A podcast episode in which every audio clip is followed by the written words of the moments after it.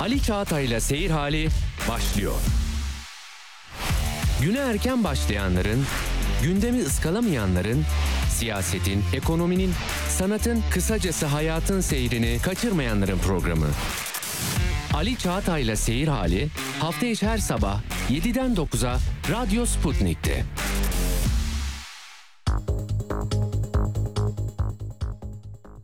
Radyo Sputnik'te seyir halindesiniz. İstanbul 97.8, Ankara 96.2, İzmir 91.0, Bursa 101.4 ve Kocaeli 90.2 frekansından bizi dinleyebilirsiniz.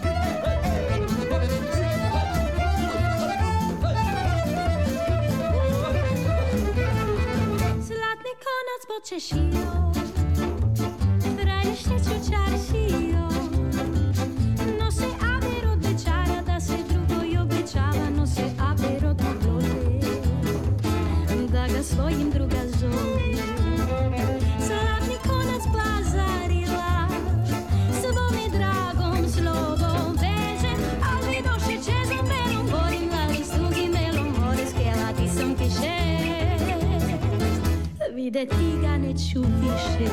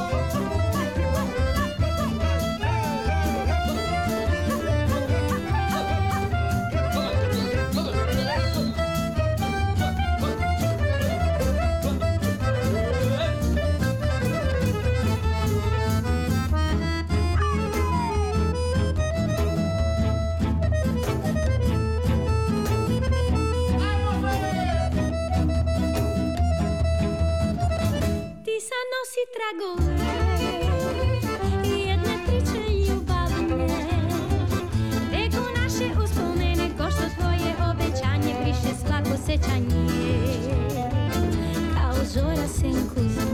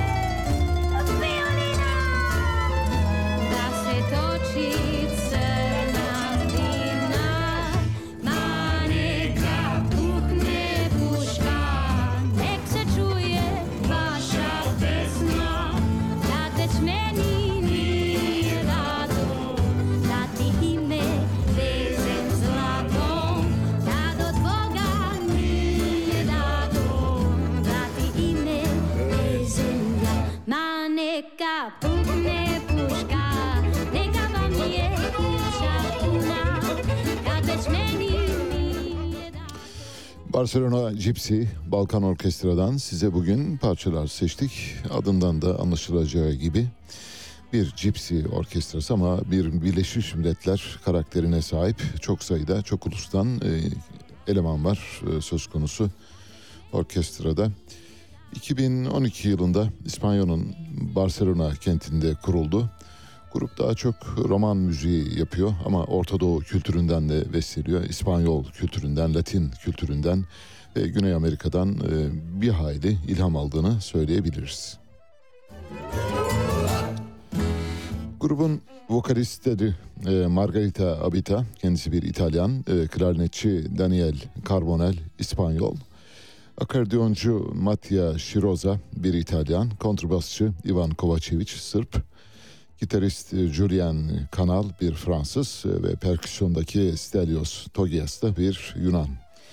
Dolayısıyla grup kendini hep böyle dünyanın dört bir tarafından insanları derleyerek oluşturmuş durumda. Hoş parçalar çalıyor. Sokak konserleri de var. Ee, ülkeler arasında düzenlediği turneler de var ayrıca. Bugüne kadar pek çok ülkede e, turneye çıktılar. İrlanda'da, Hollanda'da, Fransa'da, Avusturya, İsviçre, e, Sırbistan, Almanya ve tabii ki İstanbul'da. İstanbul'u geldiler, gittiler ama görme şansımız olmadı. Evet başlıyoruz haberlerimizle. İlk haberimiz tahmin edeceğiniz gibi futboldan. Futbolda maalesef istediğimiz sonuçları alamıyoruz. Futbol milli takımımız A milli takım 2024 Avrupa Şampiyonası elemelerinde D grubundaki ikinci maçında Hırvatistan'a 2-0 yenildi. Bursa Büyükşehir Belediye Stadında oynadığı maç e, se- seyircinin bu maç sırasında Futbol Federasyonu'na yönelik aleyhte tezahüratı dikkat çekti. Tribünler adeta inledi. Ve Türkiye bu maçla birlikte grupta ikinci ilk e, yenilgisini aldı ve üçüncü sıraya geriledi. Hırvatistan ise 4 puana yükseltti puanını ve aynı puana sahip olan Galler'le şu anda ilk sırayı paylaşıyorlar. 16 Haziran'da deplasmanda milli takımımız Letonya ile bir maç oynayacak. Şu ana kadar e, milli takımımız Hırvatistan'a karşı çok iyi bir performans tutturabilmiş değil. 11 kez bir araya geldik. 4 yenilgi aldık. Bir kez galibiyet var e, Hırvatistan'a karşı. Bu maçların tamamında 15 gol yedik. 9 kez de gol atabilme başarısını gösterdik. Bu arada maçın 67. dakikasında Arda Güler takıma dahil edildi. Arda Güler'in oyuna girmesi büyük bir tezahür, tezahüratla karşılandı ama tabii 67. dakikada çok büyük bir varlık gösteremedi. Belki maçın ilk yarısında alınmış olsaydı farklı olabilirdi bilemiyoruz. Ancak bizim Arda Güler'le ilgili tespitimizi e, hatırlayanlar olacaktır. Tekrarlayalım. Arda Güler'e maalesef e, futbol oynatmıyorlar. Yani takım içinde arkadaşları bir defa çok genç bir futbolcu ve sivrilmesini istemeyen e, arkadaşlar olabiliyor. Biraz bencilce davrananlar olabiliyor. E, Çok iyi gol pozisyonlarına girmesine rağmen gol atamıyor ya da atmakta zorlanıyor. Bakalım eğer teknik direktör biraz üzerinde durursa hem Fenerbahçe teknik direktörü için söylüyorum hem de milli takım teknik direktörü e, Kuntz için söylüyoruz. Üzerinde dururlarsa iyi bir futbolcumuz olacak. Yani Türk milli takımını iyi yerlere taşıyabilecek bir futbolcuya sahip olabiliriz eğer e, biraz e, teşvik yapabilirsek, sağlayabilirsek. Bu arada tribünlerden Futbol Federasyonu'na yönelik istifa sloganları vardı. Bu istifa sloganlarına Futbol Federasyonu'nun kulağını tıkadığını biliyoruz. Dün akşamdan bu yana adeta İstanbul'da gök delindi ve yağmur yağıyor. İyi bir yağış var dışarıda. Sileceklerin yetişmediği bir yağış var. Yollarda da eğer hareket halindeyseniz e, dikkat edin lütfen. Çünkü su yastıkları var ve o derin su yastıklarının üzerinden geçmek zorunda kalıyorsunuz. Olabildiğince e, düşük hızlarla seyahat ederseniz ya da seyir ederseniz sizin açınızdan can güvenliğiniz açısından iyi olur diye düşünüyoruz. Büyük, büyük e, su yastıkları var. Bu su yastıkları tabii Türkiye'de asfalt yol yapımının ne kadar ilkel olduğunu da gösteriyor. Eğer gerçek anlamda asfalt yol yapım teknolojisine sahip olmuş olsak normal şartlarda su asla asfalt yolda birikmez. Bir akar olur o akardan gider ancak Türkiye'de şuradan şuraya geldiğiniz zaman yani karşıdan Kadıköy'den bu tarafa doğru Yeni Bosna'ya kadar geliyorsunuz sayısız su yastığının üzerinden geçiyorsunuz. Bu işte asfaltın iyi düzenlenmemiş olması ya da terazisinin çok iyi verilmemiş olmasından kaynaklanan bir durum. Oysa bunları artık ülkeler dünya aştı. Çok kolay yapılabilecek şeyler ve bilgisayar otomasyon sistemleriyle asfaltın nasıl dökülebileceğini biliyoruz. Ancak biz babadan kalma yöntemlerle asfalt dökmeyi sürdürdüğümüz için e, yollarda böyle şeyler olabiliyor. Meteorolojiye göre Sıcaklıklar daha da düşecek. Özellikle bugün itibariyle daha fazla düşecek. Şu anda dışarıda İstanbul'da 4 derecelik bir sıcaklık var. Meteoroloji bir e, büyük soğuk hava kitlesinin Türkiye'yi ziyaret ettiğini söylüyor ve kış mevsiminde görünmeyen yağışın, kar yağışının baharda gelebileceğini düşünüyor. Böylece Mart kapıdan baktırmış oluyor. Yani son 3 gününe girerken Mart'ın geldiğini hissediyoruz. Hatta fırtına olabileceğinden bahsediyor. Afyon Kocatepe Üniversitesi öğretim üyelerinden e, Doktor Okan Bozyurt şöyle diyor. Gelecek olan Türkiye'yi ziyaret edecek olan hava kütlesi çok hızlı hareket ediyor. Hava sıcaklıklarında çok ani düşüşler ortaya çıkabilir. Çarşamba günü pek çok bölgemizde yani bugün kar yağışları gerçekleşecek. Perşembeden sonra hızlı bir şekilde doğuya doğru kayacak. Çok fazla kalmayacak. Hava sıcaklıkları yeniden yükselecek diyor. Halbuki gelmişken biraz kalsaydı diyoruz. İstanbul'daki barajlarla ilgili iyi bir haber vereceğiz. Evet barajlardaki su seviyesi son 48 saatte yağan yağmurlarla iyi bir noktaya geldi. Son bir günlük değişim İstanbul barajlarındaki son bir günlük değişim yüzde olarak 0.28'e tekabül ediyor.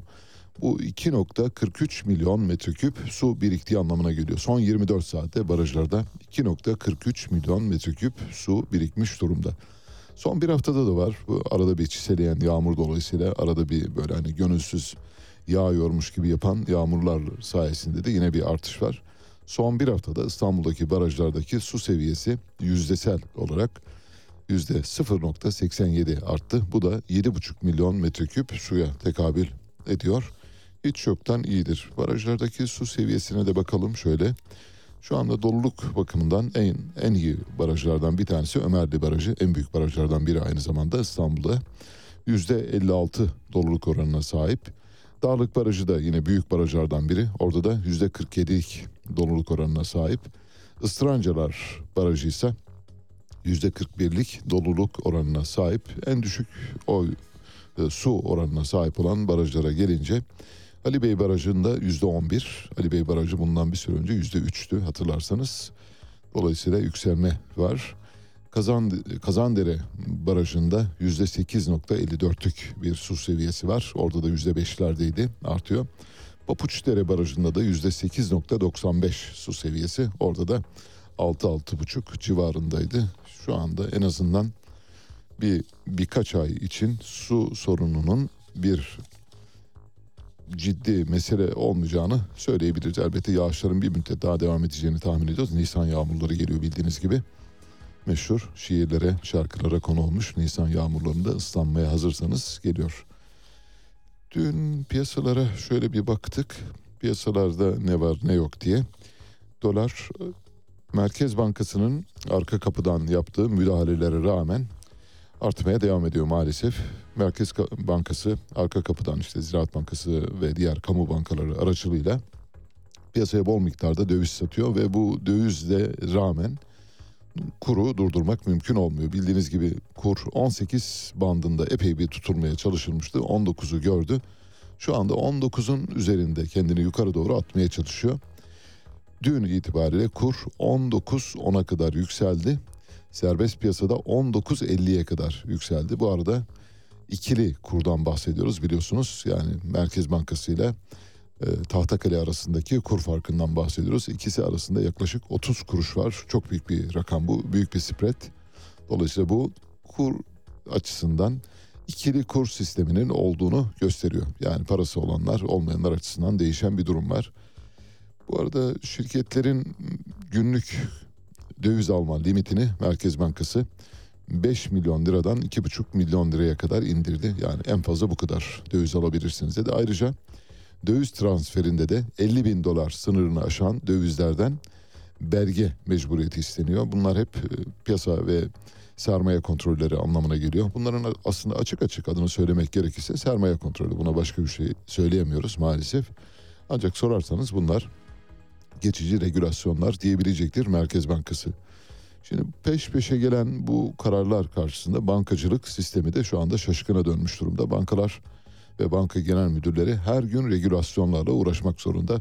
Son bir buçuk yılda 213 bankacılık regülasyonu geldi. 213 regülasyon bankacılık sisteminin başını döndürüyor. Bir ülkede eğer çok fazla regülasyon varsa O ülkede belirsizlik var demişti. Kim? İş Bankası Genel Müdürü Hakan Aran. Dolayısıyla bir buçuk yılda 213 regülasyon gelmişse bankacılık sistemine bu arada belirsizlik var. Demek ki belirsizliğe oynuyoruz yani karanlığa kurşun atan bir merkez bankasından ya da ekonomi yönetiminden bahsediyoruz. Testler sırasında bu arada bankacılık e, sistemi stres testine tabi tutuluyor. Döviz pozisyonları başa baş noktaya gerileyen bankaların muhtemel bir kur şokuna karşı nakit darboğazına girip girmeyeceğine dair ihtimaller masaya yatırılıyor. Bankalar 50 gün daha dayanırlarsa bu sorunu çözecekler. Merak etmeyiniz. Mevduatla kredi faizi arasındaki makas da yılın ikinci yarısından sonra bankaların faiz gelirlerinde zarar yazmasına yol açacak. Bu da ayrı bir problem. Üst düzey dört bankacı seçimi iktidar veya muhalefet hangi taraf kazanırsa kazansın ekonomideki uygulamaları sürdürülemez diye niteliyor. Peki sürdürülemez bu uygulamalar yerini neye bırakacak? İki türlü iki seçenek var. Bir, muhalefet gelirse muhtemelen IMF'nin kapısını çalmak zorunda kalacak. İki, bugünkü siyasal iktidar devam ederse yine IMF'nin kapısını çalmak zorunda. Demek ki her şekilde IMF'nin kapısına gideceğiz. Diyeceksiniz ki IMF'ye bu kadar karşı olan bir e, siyasal e, anlayış IMF'nin kapısına gider mi? Gitmek zorunda çünkü deniz bitti şu anda. Hani derler ya sular çekildiği zaman kimin çıplak olduğu belli olacak. Sular çekilecek 14 Mayıs'tan sonra bunu göreceğiz.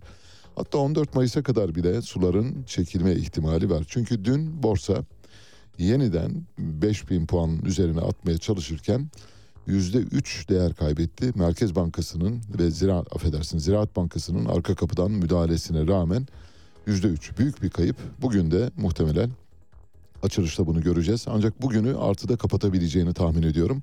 Çünkü iki gün üst üste ekside kapatmasına izin vermezler. Zaten şurada kaldı seçimi 50 gün.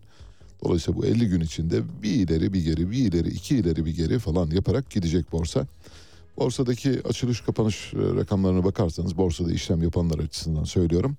Eğer bir günü negatifte kapattıysa öteki günü %50'den fazla ihtimalle artıda kapatacaktır. Bugünün artıda kapanabileceğini tahmin ediyoruz.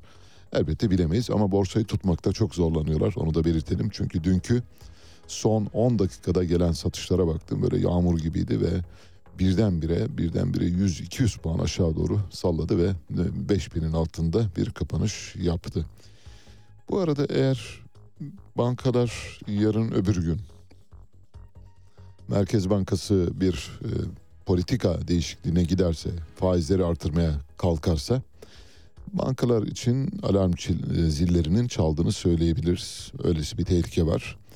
Bankacıların verdiği bazı bilgiler var bu arada onları da paylaşalım. Bankaların tutmak zorunda oldukları 10 yıl vadeli düşük faizli hazine tahvillerinin büyüklüğü şu anda 350 milyar lira seviyesine ulaşmış durumda. Ne demek bu? Bankalar kendilerine faydası olmayan, hiç kimseye faydası olmayan hiçbir zerre kadar bankacılık sistemine sermaye açısından ya da karlılık açısından faydası olmayan devlet tahvillerini ellerinde tutmak zorundalar. Çünkü devlet tahvili almayan bankalara Merkez Bankası baskı yapıyor. Devlet tahvili almazsanız sizden farklı tavizler isteyebiliriz diyor. Bu yüzden de Merkez Bankası'nın bu talimatlarına uymak için bankalar hiç işlerine yaramamakla birlikte tahvilleri alarak bir kenara tutuyorlar. Peki şu anda tahvil biriken bu bankalar yarın öbür gün bu tahvilleri satmak istedikleri zaman acaba ellerinden çıkarabilecekler mi? Söylüyorum size. Mesela yarın Merkez Bankası şu anda politika faizi biliyorsun son alınan Merkez Bankası kararında yüzde sekiz buçuk. Eğer Merkez Bankası yarın öbür gün kazara bir şekilde Abi ben bugün faiz artırmaya karar verdim dediği gün bankaların birkaçı çöker. Söylüyorum net. Şu anda ellerinde çok yüklü devlet tahvili olan ve devlet tahviliyle yüksek faize yakalanacak olan fırtınaya yakalanmak gibi bu. Bankalar eğer bu tahvil yüküyle fırtınaya yakalanırlarsa darmadağın olabilirler. Hepsi değil bazı bankaların çok yüklü miktarda aldıklarını biliyoruz. Bazı bankaların mecburiyetten bazılarının da böyle sevimli gözükmek için işte Sayın Bakanım biz de aldık biliyor musunuz biz de şu kadar aldık gibi böyle haberler göndererek aldıkları tahvillerden kaynaklanıyor. Herhangi bir faiz artışında söz konusu tahvillerin banka bilançolarını tahrip etmesi kaçınılmaz. Nasrettin Hoca'nın biliyorsunuz iki tane kızı varmış. İki kızını da evlendirmiş. Az sesi biraz yükseltelim çok az. İyi. İkisi de evlenmiş ve bir gün işte aradan bir süre geçiyor. E, karısı diyor ki hoca diyor bir kızları ziyarete gitsen acaba hal ve hatırlarını sorsan. Şimdi el evindeler. Elin adamı bunlara nasıl davranıyor? Hal ve tavırları iyi midir? Keyifleri yerinde midir? Mutlu mudurlar, değil midirler? Bir gidip sorar mısınız diyor. Hoca da çıkıyor. Atlıyor eşeğine. İşte artık kaç gün, kaç sürüyor, ne kadar sürüyorsa gidiyor. Biraz uzakta. İkisi de gurbete vermişler.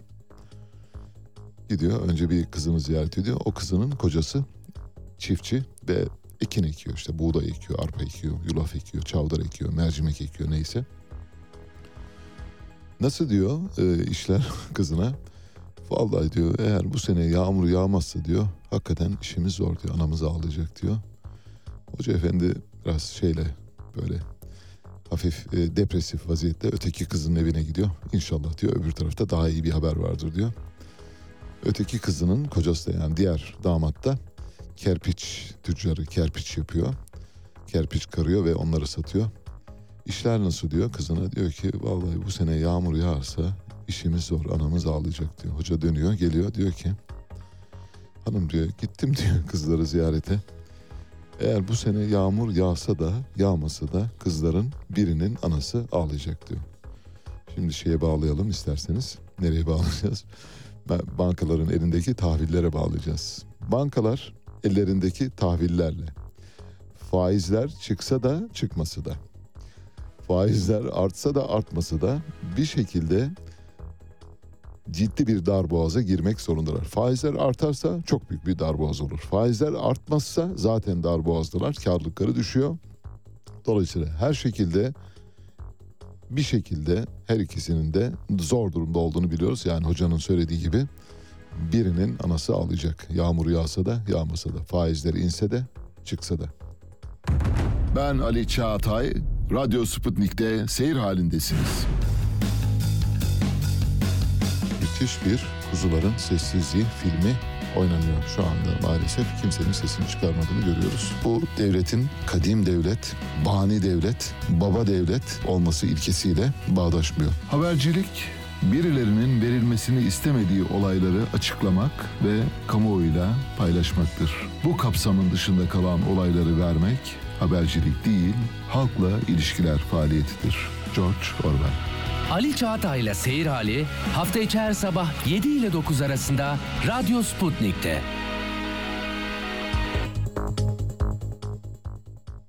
Evet, yeniden birlikteyiz. Şimdi biraz dolar ve petrol piyasalarına bakacağız. Dolar da bildiğiniz gibi 19.50'yi gördü serbest piyasada. Bu 20'yi görmesi an meselesi. Yarın öbür gün doların 20 lira olduğu gerçeğiyle karşılaşırsanız sakın şaşırmayın olur mu? Borsa İstanbul'da da inişli çıkışlı bir süreç olacak 14 Mayıs'a kadar. Bir gün aşağı bir gün yukarı, iki gün aşağı bir gün yukarı ya da iki gün yukarı bir gün aşağı gibi gidecek. Bu yüzden yatırım yapanlar açısından borsa bugün şahane şahlanıyor ve bunun sonu gelir gibi düşünüyorsanız lütfen buna aldanmayınız. Bu geçici bir bahardır. Çok kısa bir iki gün sürer ondan sonra rally tekrar eski haline dönebilir. Petrolde Brent petrol 77 doların üzerine çıktı. Hatta e, şu anki rakamı söyleyelim 77 dolar 90 sent.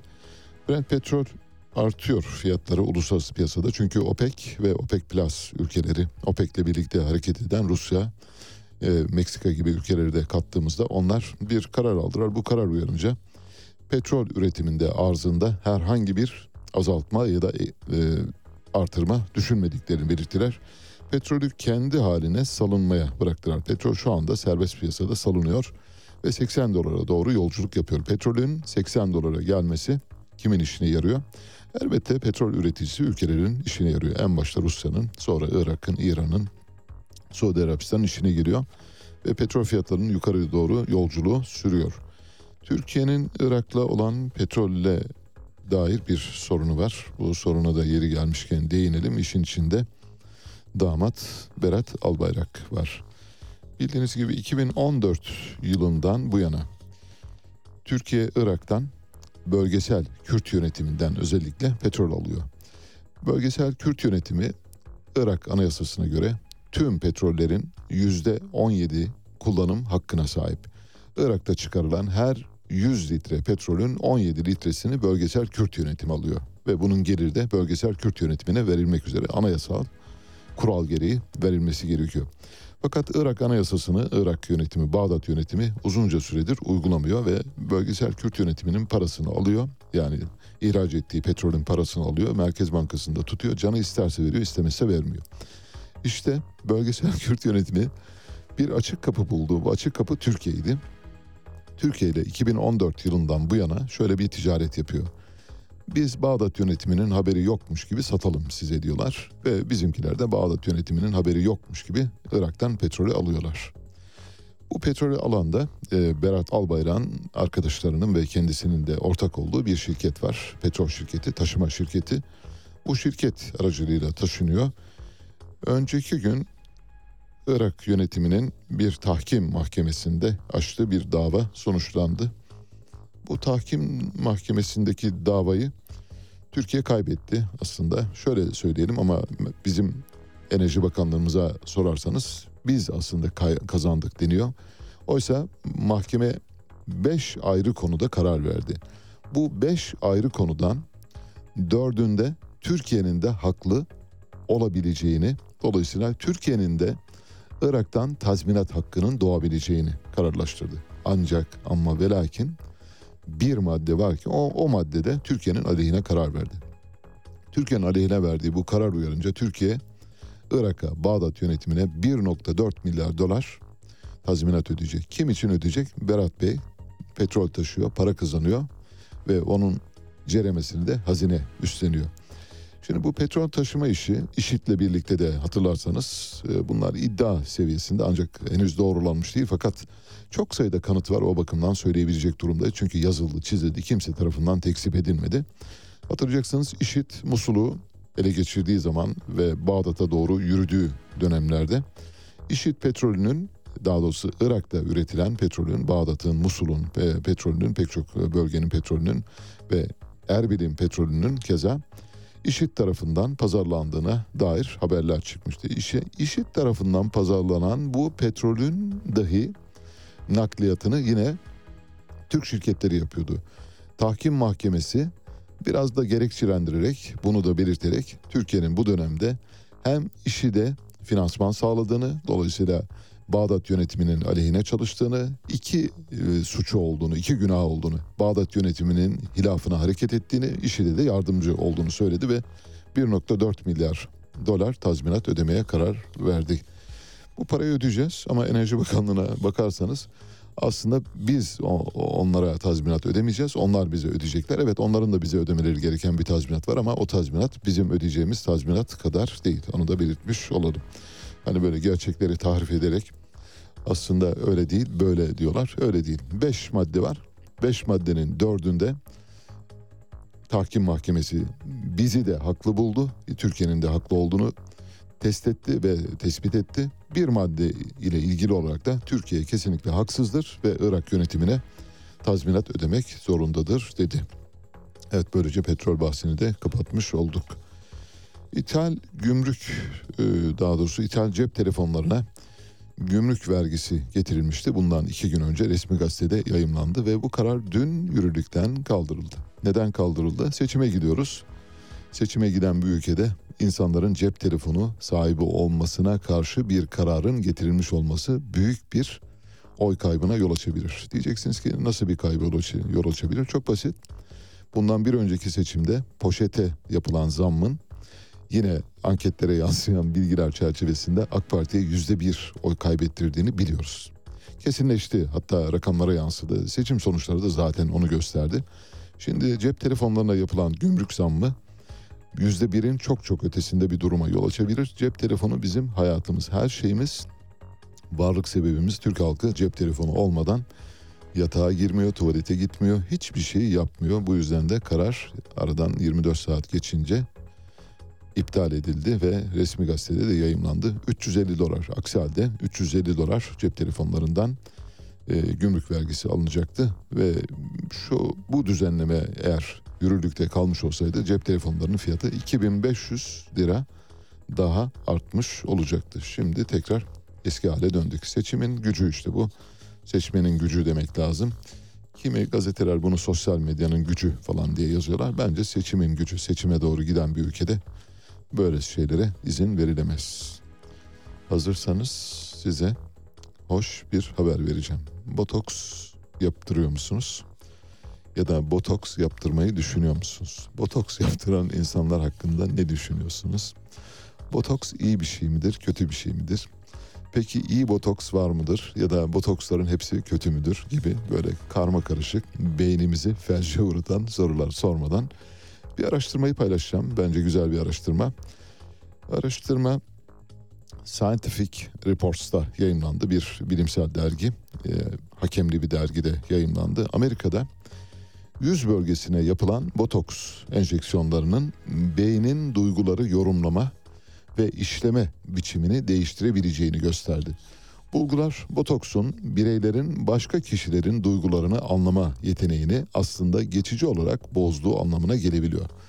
Psikolojide sıklıkla söz edilen yüzsel geri bildirim hipotezi baz alınarak yürütülen yeni bir araştırmayla yüz bölgesine yapılan botoksun beynin duyguları yorumlama ve işleme biçimini değiştirebileceği.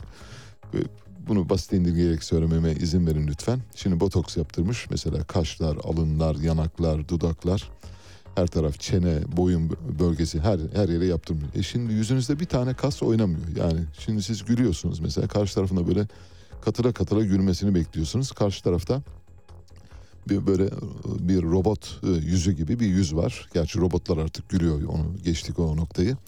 Dolayısıyla karşı taraf sizin ne düşündüğünüzü anlamadığı için iletişim kurulamıyor. Yani sizin mesajınız karşı tarafın amigdalasını geçmiyor. Amigdalayı geçmeyen duyguda duygu olamıyor.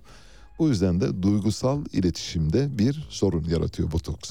Çok basit bir ifade biçimiyle söyleyeyim. Yani mimiksiz kalan bir insanın karşı tarafa ne ifade ettiğini bu araştırma ortaya koymuş durumda. Araştırma botoksun insanların başka insanların duygularını anlama yeteneğini geçici olarak bozduğu anlamına geliyor.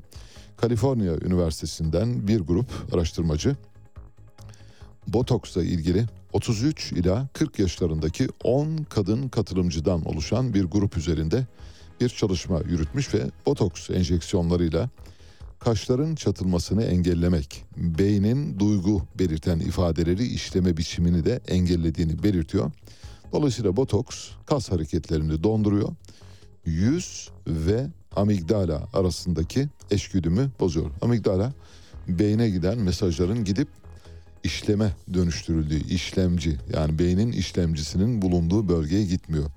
Yüzünüzde bir mimik olmadığı için karşı taraf diyor ki acaba bundan hoşlandı mı hoşlanmadı mı? Ben bugün bir şey söyledim. Acaba Ayşe Hanım hoşlandı mı bundan? Ayşe Hanım yönetici mesela değil mi? Gidiyorsunuz karşısına. Gittim işte dedim ki evde hasta var. Ben iki gün izin alacağım. Ayşe Hanım'ın yüzüne baktım. Hiçbir şey anlayamadım.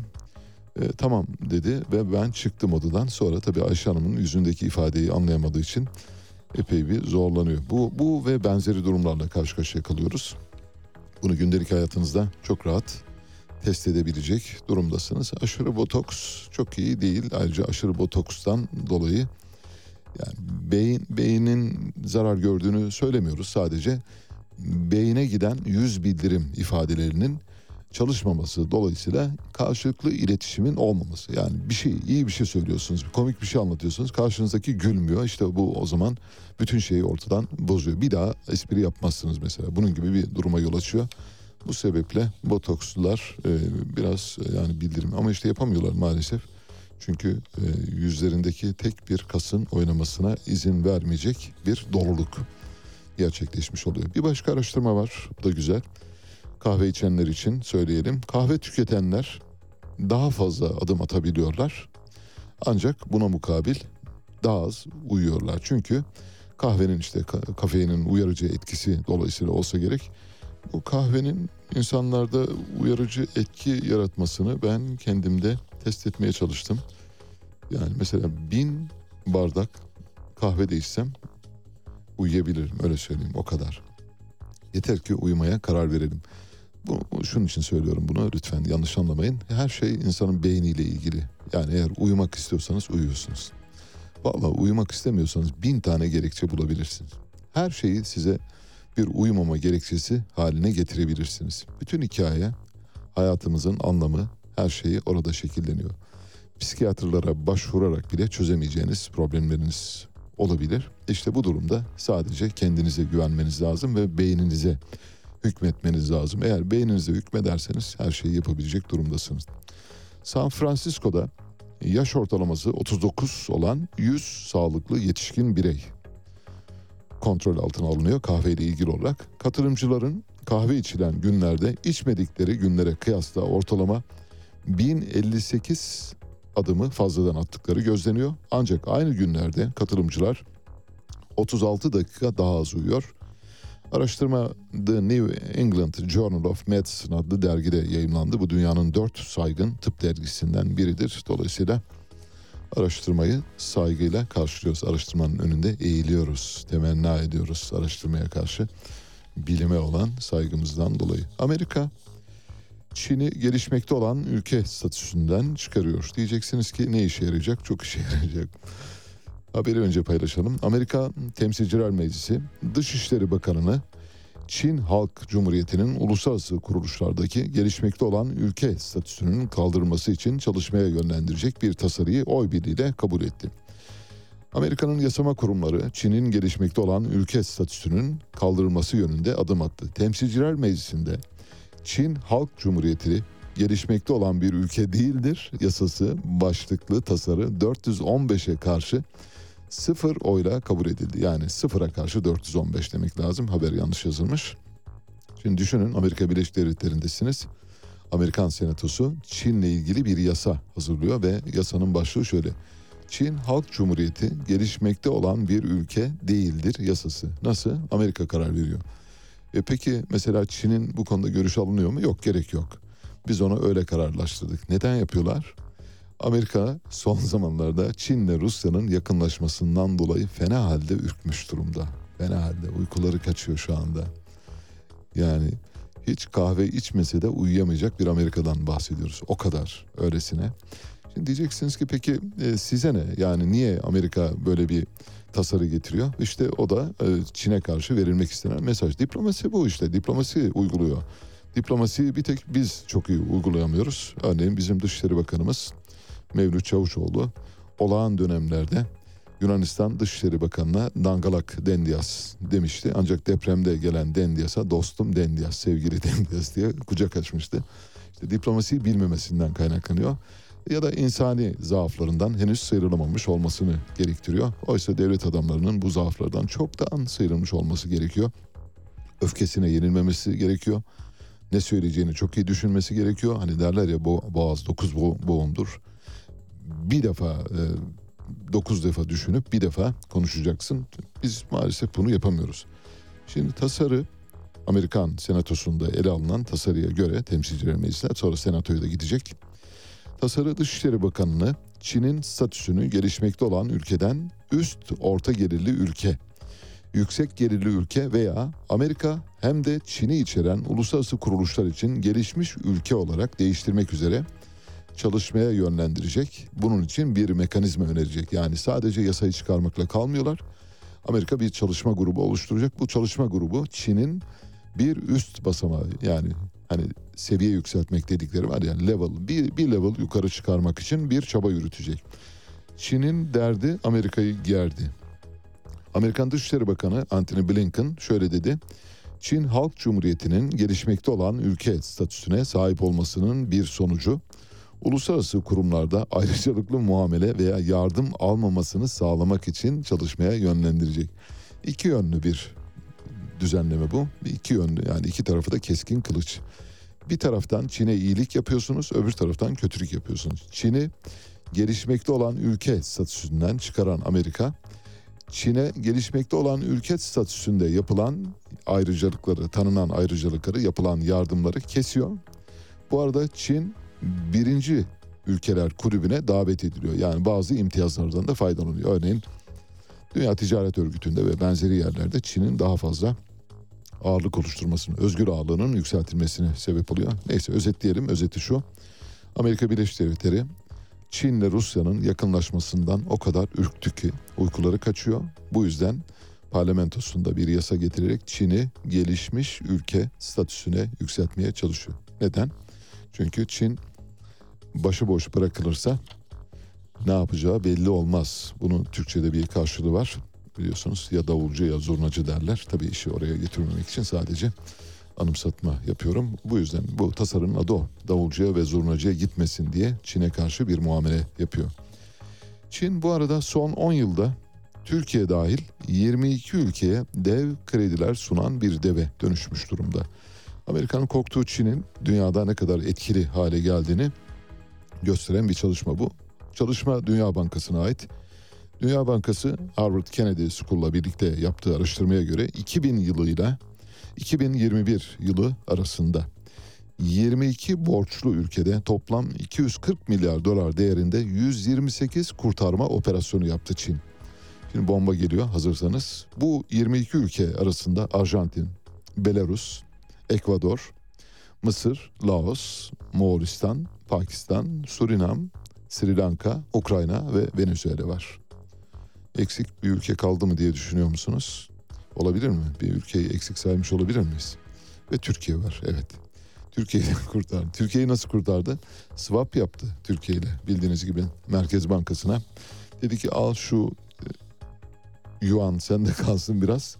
Oyalan ben sonra vakti geldiğinde tekrar senin de senden yuanı alacağım dedi. Bunlar kurtarma operasyonu. Tabii Türkiye'ye yönelik kurtarma operasyonu daha çok finansal. Ancak biraz önce saydığımız ülkelerdeki kurtarma operasyonları fiili. Örneğin Sri Lanka'yı bayağı devleti neredeyse böyle kucağına alarak bir e, bebek e, beşik e, beşikli bir bebek sallar gibi biberonla falan besleyerek ülkeyi şu anda ayağa kaldırmış durumda.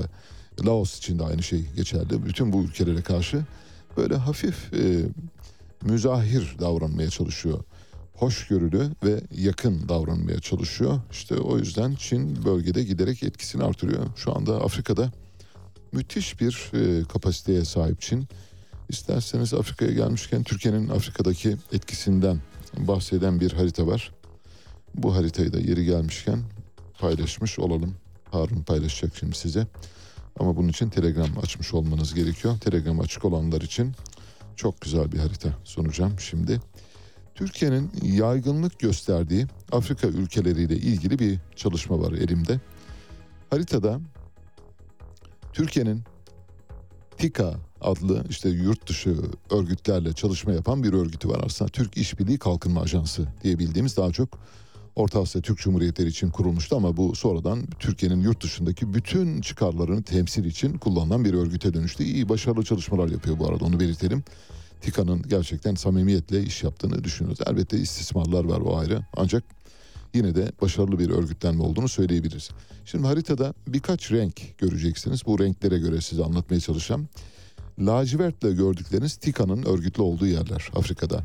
Nerede bir lacivert yuvarlak görüyorsanız ay yıldız içinde o TİKA'nın örgütlü olduğu yerler. TİKA'nın logosu bu arada. Mavi ile gördüğünüz yerler Marif Vakfı'nın Türk Marif Kolejlerinin örgütlü olduğu Afrika ülkeleri. Yani FETÖ'nün okullarının yerine kurulan Milli Eğitim Bakanlığı'nın yönettiği okullardan bahsediyoruz. FETÖ'nün bıraktığı boşlukları doldurmaya çalışan bir okul yapısı. Turkuaz'da gösterilen bir yer var. O da e, kümeler var. Orası da Yunus Emre Enstitüsü'nün örgütlendiği yerler. Şimdi bu renklerin tabii çokluğuna göre birazdan e, kaç ülkede hangi örgütümüz var onları da size tek tek söyleyeceğim.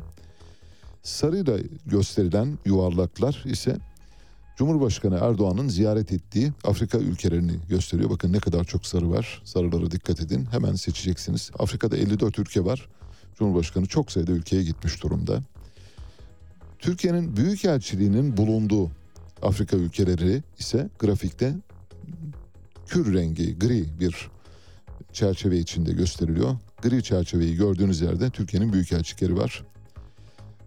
Türk Hava Yolları'nın logosunu görüyorsunuz. Zaten logonun kendisi e, seçilebiliyor. Türk Hava Yolları'nın logosunu gördüğünüz yerlerde de Türk Hava Yolları'nın Afrika'da sefer yaptığı ülkeleri görüyorsunuz.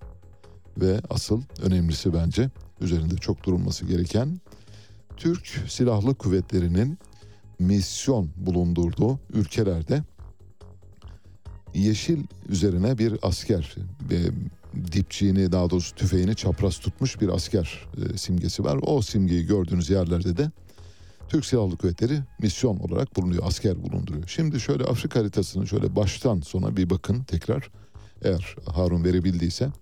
Afrika'da bildiğiniz gibi 54 ülke var. Şimdi bu 54 ülkenin kaçında hangi misyonlarımızda bulunuyoruz? Bunları size tek tek anlatmaya çalışacağım.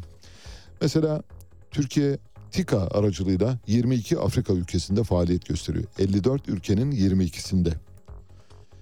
Marif Vakfı bünyesinde 25 örgütlenmesi var. 54 ülkenin 25'inde yarısından biraz az bir ülkede örgütlenmiş durumda yarıya yakın. Yunus Emre Enstitüsü henüz daha nüve aşamasında 11 ülkede 54 ülkenin 11'inde faaliyet gösteriyor. Türkiye'nin yayılma hızını gösteriyoruz Afrika'da. Cumhurbaşkanı bugüne kadar Afrika'daki 54 ülkenin 30'una gitti, seyahati yaptı. Bazılarına ikinci kez gitti bu arada. Türk Büyükelçiliğinin olduğu ülkelerin sayısı 42. 54'te 42 müthiş bir rakam bu. Ve bunların çok önemli bölümünün son 10 yılda ortaya çıktığını söyleyelim. Özellikle FETÖ ile olan kavgamızdan sonra bu ülkelere bizzati büyükelçilik açarak, marif kolejleri açarak, Yunus Emre enstitüleri açarak, TİKA açarak buralarda varlık göstermeye çalışıyoruz. Çünkü FETÖ'nün bıraktığı boşluk olağanüstü boyutlarda hala tabii o boşluk doldurulabilmiş değil onu söyleyelim. Yani bunlar çok böyle palyatif yani Türkiye'nin yürüttüğü çalışmalar FETÖ'nün son 50 yılda yürüttüğü çalışmaların yanında devede kulak. Türk Hava Yolları Afrika'daki 54 ülkenin 41'ine uçuyor. Direkt uçuş yapıyor. Bu da müthiş bir şey. Türkiye'nin hem e, Afrika'dan Afrika ile olan ticaretini geliştirmeye katkı sunuyor.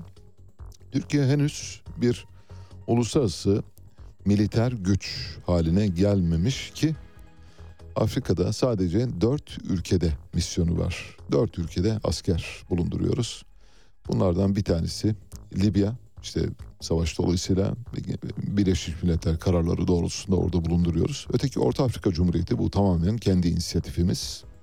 Öteki Mali bu da tamamen kendi inisiyatifimiz.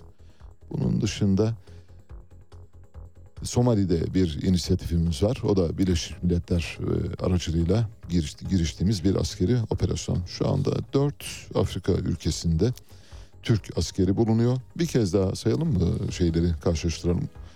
E, bazı izleyiciler bazı konuları böyle iki kez tekrarlayınca e, kızıyorlar bana ama lütfen kızmayın.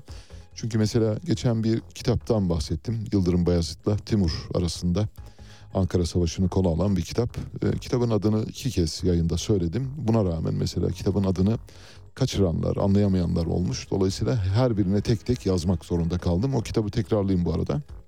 Yeri gelmişken.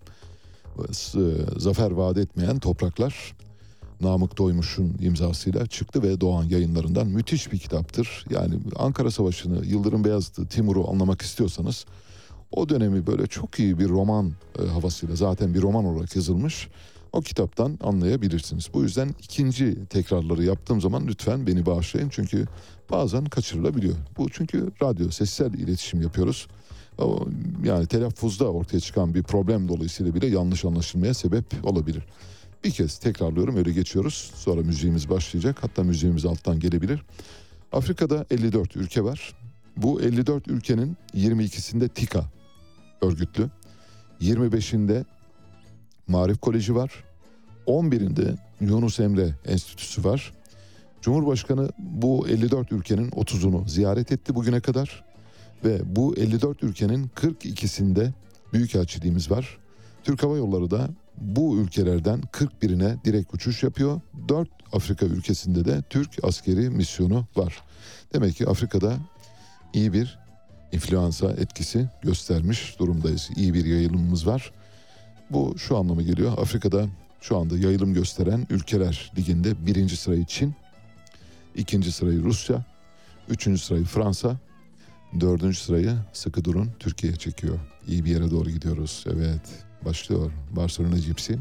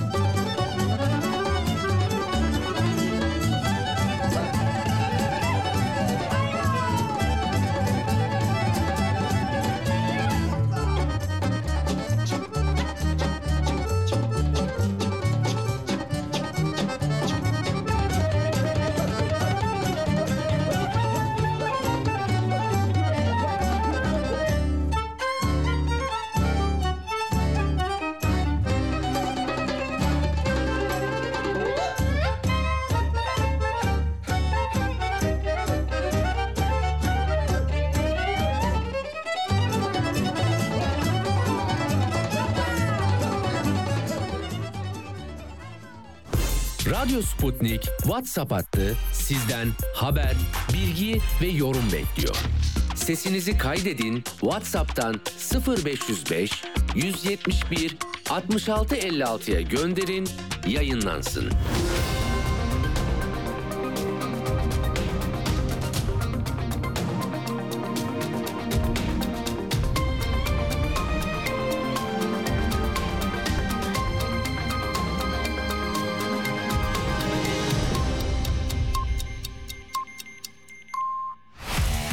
Erken başlayanların, gündemi ıskalamayanların, siyasetin, ekonominin, sanatın, kısacası hayatın seyrini kaçırmayanların programı. Ali Çağatay'la Seyir Hali hafta içi her sabah 7'den 9'a Radyo Sputnik'te.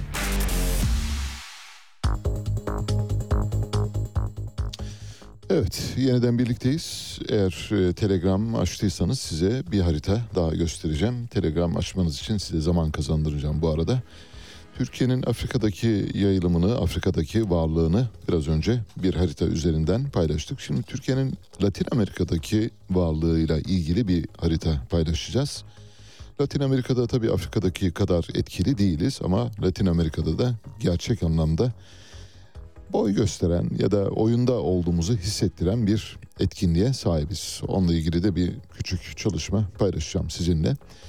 Bizi eğer Telegram üzerinden izlemek istiyorsanız yapmanız gereken son derece basit. Önce Google'a giriyorsunuz.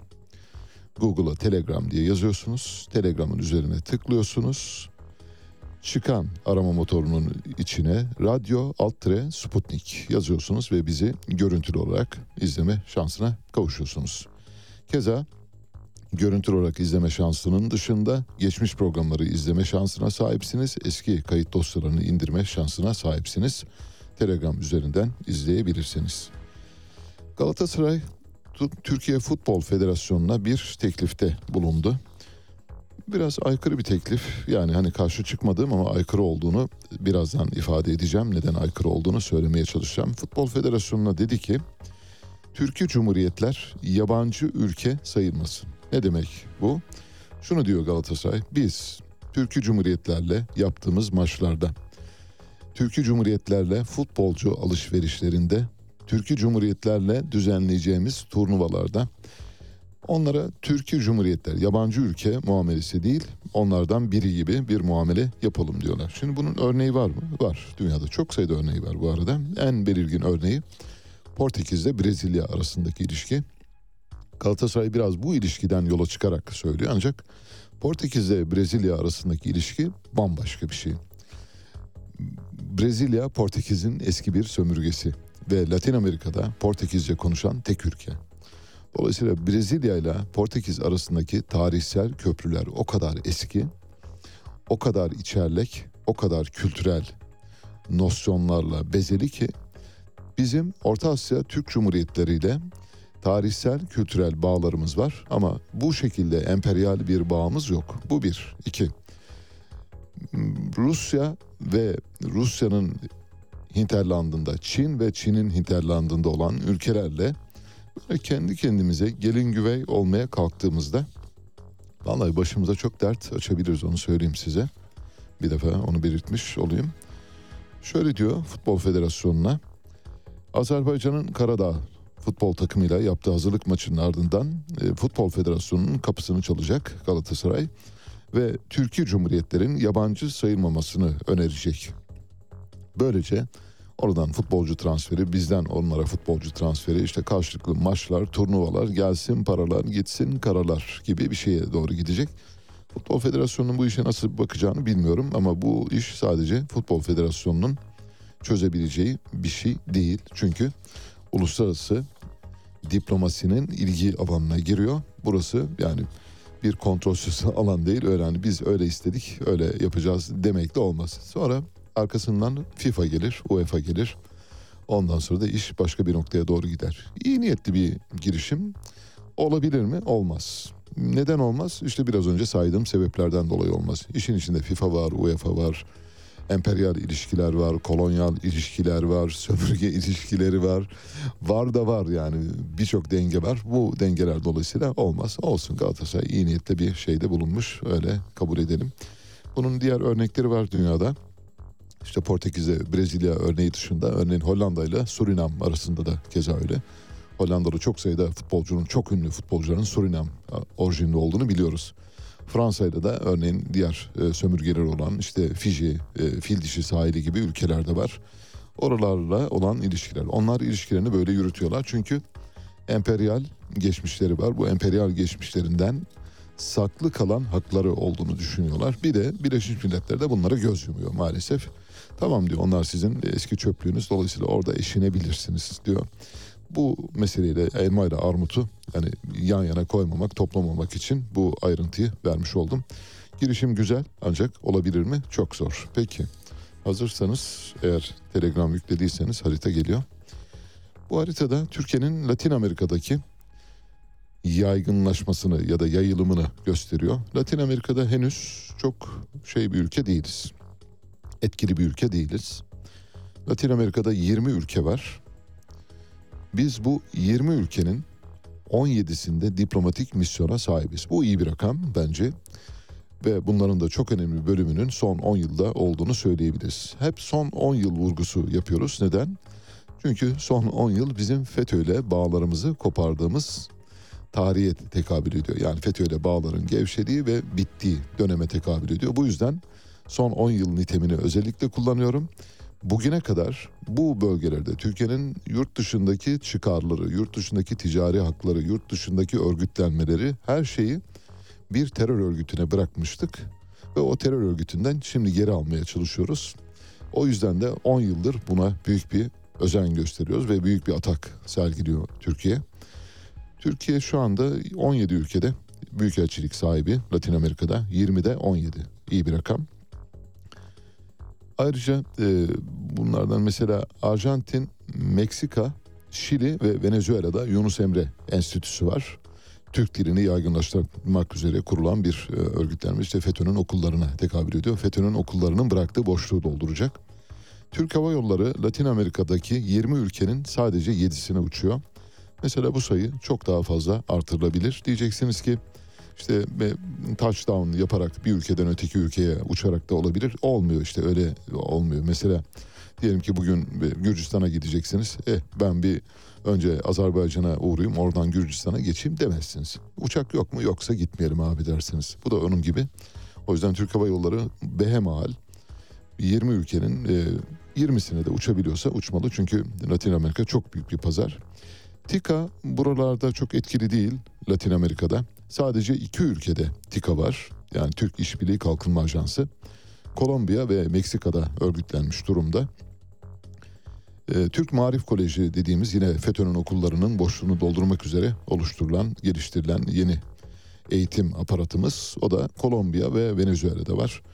Latin Amerika'nın tamamına baktığımızda Türk Hava Yolları e, geçer puanı henüz alamamış. Ancak büyükelçilik sayısı bakımından iyi durumdayız. Bu Türkiye'nin Latin Amerika'da bundan sonraki yolculuğuna bir kerteriz olsun diye paylaştık. Buradan hani eğer dışişleri mensupları da dinliyorlarsa onları da hani biliyorlardır elbette onların bilmemesine imkan yok yani onlara akıl vermek için değil ama kamuoyunun bilgilenmesi bakımından daha çok bizim derdimiz daha çok kamuoyu. Şimdi programın bundan sonraki bölümlerinde neler var derseniz onlara küçük bir değini de bulunacağız. Saat 9'a çeyrek kala bir telefon bağlantımız olacak. Bilişim teknolojileri öğretmeni ve eğitim teknoloğu Ufuk Akgün'le konuşacağız. Konu nedir? Konu Türkiye'deki bilişim teknolojisi öğretimi veren ve öğretmen yetiştiren okullardan her yıl tam sayı bilmiyorum. O yüzden binlerce demek istiyorum. Binlerce öğrenci mezun oluyor. Şimdi bu binlerce öğrenci bir dersi okutmak üzere yetiştiriliyor. Eğitim formasyonları buna göre veriliyor. Nedir bu eğitim formasyonu? Okullara gideceksiniz. Bilişim teknolojisi diye bir ders var. Bu dersi çocuklara öğreteceksiniz. Bilişim teknolojisi dersine vallahi sosyal medya kullanımından bilgisayar e, kullanımına, kod yazılımına hatta yazılım programları geliştirmeye kadar pek çok şeyi o çağdaki çocuklara yani eğitim çağında işte 5. sınıftan itibaren öğrencilere kazandırmakla yükümlü olan öğretmenlerden bahsediyoruz. Ama ve lakin bilişim teknolojisi öğretmenlerine Türkiye son 20 yıldır yok muamelesi yapıyor. Şimdi bilişim teknolojisi öğretmenleri yetiştiriyorsunuz. Çocuklar mezun oluyorlar. Binlerce kişiden bahsediyoruz. Sonra eğitim için eğitim formasyonu var bu arada. Gidiyorlar Milli Eğitim Bakanlığı işte KPSS'ye giriyorlar. Tamam sınava girdiniz. Ee, bu sene eğitim formasyonu alan bilişim teknolojisi öğretmenlerine yüzde bir buçuk kontenjan tanıdık diyorsunuz. Böyle komik şeyler, komik kontenjanlar veriliyor. Şimdi binlerce çocuk mezun oluyor. Siz onlara yüzde birlik, yüzde bir buçukluk kontenjan tanıyorsunuz ve bu çocuklar iş bulamıyorlar. Bundan 10 sene kadar önce biraz hafif böyle meseleyi detaylı anlatmak için uzatıyorum ama lütfen bağışlayın. Çok gerçek bir hikaye ve bir de üzerinde epey bir çalıştığım bir hikaye olduğu için anlatmaya çalışıyorum. Bir gün bir e, öğrenci beni aradı çalıştığım kanalda. Dedi ki biz bilişim teknolojisi öğretmeniyiz Ali Bey. Fakat bir türlü Milli Eğitim Bakanlığı bilişim teknolojisi öğretmenlerine gereken önemi vermiyor. Neden dedim? Çünkü dedi bizim dersimiz okullarda seçmeli. Seçmeli ders olunca her okulda bu dersin okutulmasına imkan yok. Bu durumda da tabii o, o okullara giremiyoruz. Bilişim teknolojisi dersinin biraz üzerinde çalıştık tabii sonra. Dedim ki siz bir dernek kurun. Sonra bu derneğiniz işte açıklamalar yapsın. Onları örgütledik daha doğrusu. Baya böyle 5000 kişinin üye olduğu bir derneğe dönüştü. Bilişim Teknolojisi Öğretmenleri Derneği.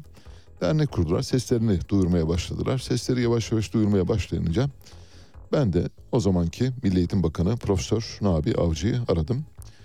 Nabi Avcı'ya mesaj attım yani telefonla konuşamadım. Dedim ki durum bu.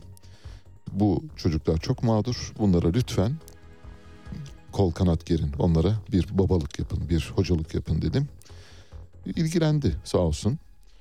Dönemin Milli Eğitim Bakanlığı Talim Terbiye Kurulu Başkanı Profesör Doktor Emin Karip kendisini buradan teşekkürle yad ediyorum, anıyorum ismini. Yani müteşekkirim kendisine, öğrenciler adına.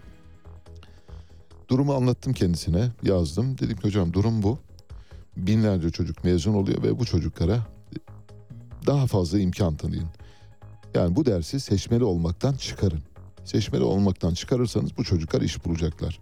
Şimdi bir başka parantez açıyorum. O parantez şu. Diyeceksiniz ki seçmeli bir dersle normal müfredatta olan bir ders arasında ne fark var? Çok fark var.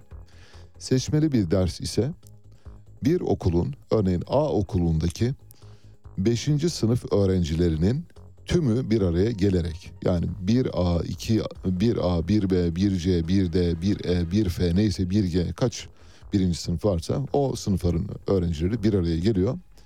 20 öğrenci bir araya geldiği takdirde orada bilişim teknolojisi dersiyle ilgili bir sınıf açılıyor ve oraya da bir öğretmen atanıyor. Tamam buraya kadar anlaştık mı? Ama ve lakin bugün ama ve lakin'i çok kullandım. Velev ki, yok velev ki tutmuyor burada oturmuyor. Diyelim ki bilişim teknolojisi dersini almak üzere karar verdiniz. Öğrencisi, öğrenciniz yani velisi olduğunuz e, çocuk geldi akşam. Baba dedi bu yıl biz e, işte seçmeli derslerimiz var. Onlardan hangilerini seçeyim? Çocuk size sayıyor. Diyor ki bir e, bilişim teknolojisi dersi var babacığım. Nedir o yavrum? Hani bu işte Facebook, Twitter, Instagram falan var ya babacığım o. Ya aman ya Allah'ını seversen. Ya onları sonra öğrenirsin ya. Ya git ya. Ya git ders çalış. Böyle şeyler olur mu? Bunlarla uğraşma. Onları öğrenirsin sonra çocuğum. Yok yok. Hayır gerek yok. Sen onu seçme. Başka ne var? Peygamberin hayatı. Başka? Kısası enbiya. Peygamberler tarihi. Başka ne var? Belagat sanatı var. Konuşma, hitabet sanatı. Bak bu üçünden birini seç. Tamam mı? Şey iyi bak. Kısası enbiya bütün peygamberleri öğrenirsin. Dolayısıyla hani bütün semavi dinlerden haberdar olursun. Ya da peygamberin hayatını seç. Şimdi seçmeli tabii e, abartıyorum elbette. Bütün diyaloglar böyle değil evlerde. Ama diyalogların aşağı yukarı böyle olduğuna kefaret verebilirim size. Okullarda böyle. Dolayısıyla öğrenci velisinden onay alamıyor. Bir. Velisinden onay alamadığı için seçmeli ders olarak o dersi seçmiyor. içinden geçmiş olmasına rağmen. Bu durumda zaten öğretmenler de çok fazla teşvik etmiyorlar. Aman çocuğum bırak Allah'ın seni ileride bakarsın ya. Onları sonra öğrenirsiniz. O üniversiteye gideceksin sen de. O, neler öğreneceksin bilemezsin falan diyorlar. Ve çocuklar sonuçta seçmeli dersi seçilir ders haline getiremiyorlar.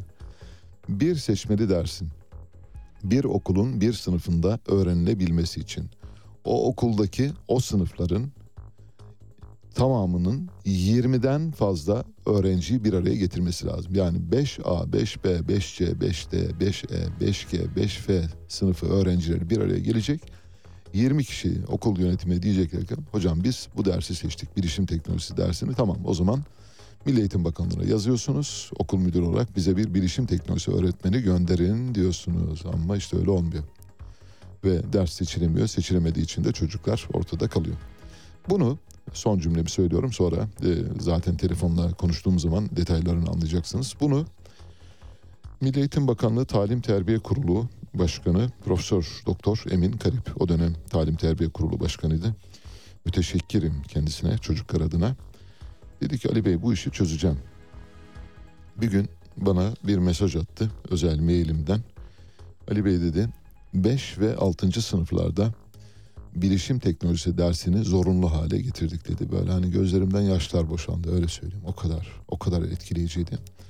5 ve 6. sınıflarda ders zorunlu hale geldi ve o dersin öğretmenleri atandı işte. Kaç okul varsa o kadar öğretmen atandı. Bir defa e, çocuklar iş sahibi oldu. E, Öbür tarafta da o ders zorunlu hale geldiği için Türkiye'nin bilişim okur yazarlığı seviyesinin artmasına katkıda bulundu. Aradan birkaç yıl geçti. Tabii çok fazla kalamadı Emin Karip bu arada görevde. Başkaları geldi. Dedim ki acaba 7, 8, 9, 10. sınıflarda da bunu zorunlu hale getirebilir miyiz dedim. Bana aynen şöyle dedi Ali Bey dedi o iş beni aşar dedi. Anladım tabii orada pes ettik. Şimdi işte kaldığımız yerden devam edeceğiz. Şu anda bilişim teknolojisi öğretmenlerine bu yıl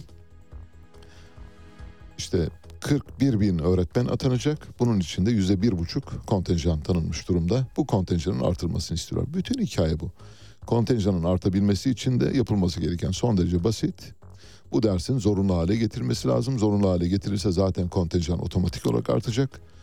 Bu da hem öğrencilerin daha fazla bilinçlenmesine sebep olacak, yol açacak hem çocukların e, öğrenim, öğretmenlik haklarına kavuşması sağlanacak.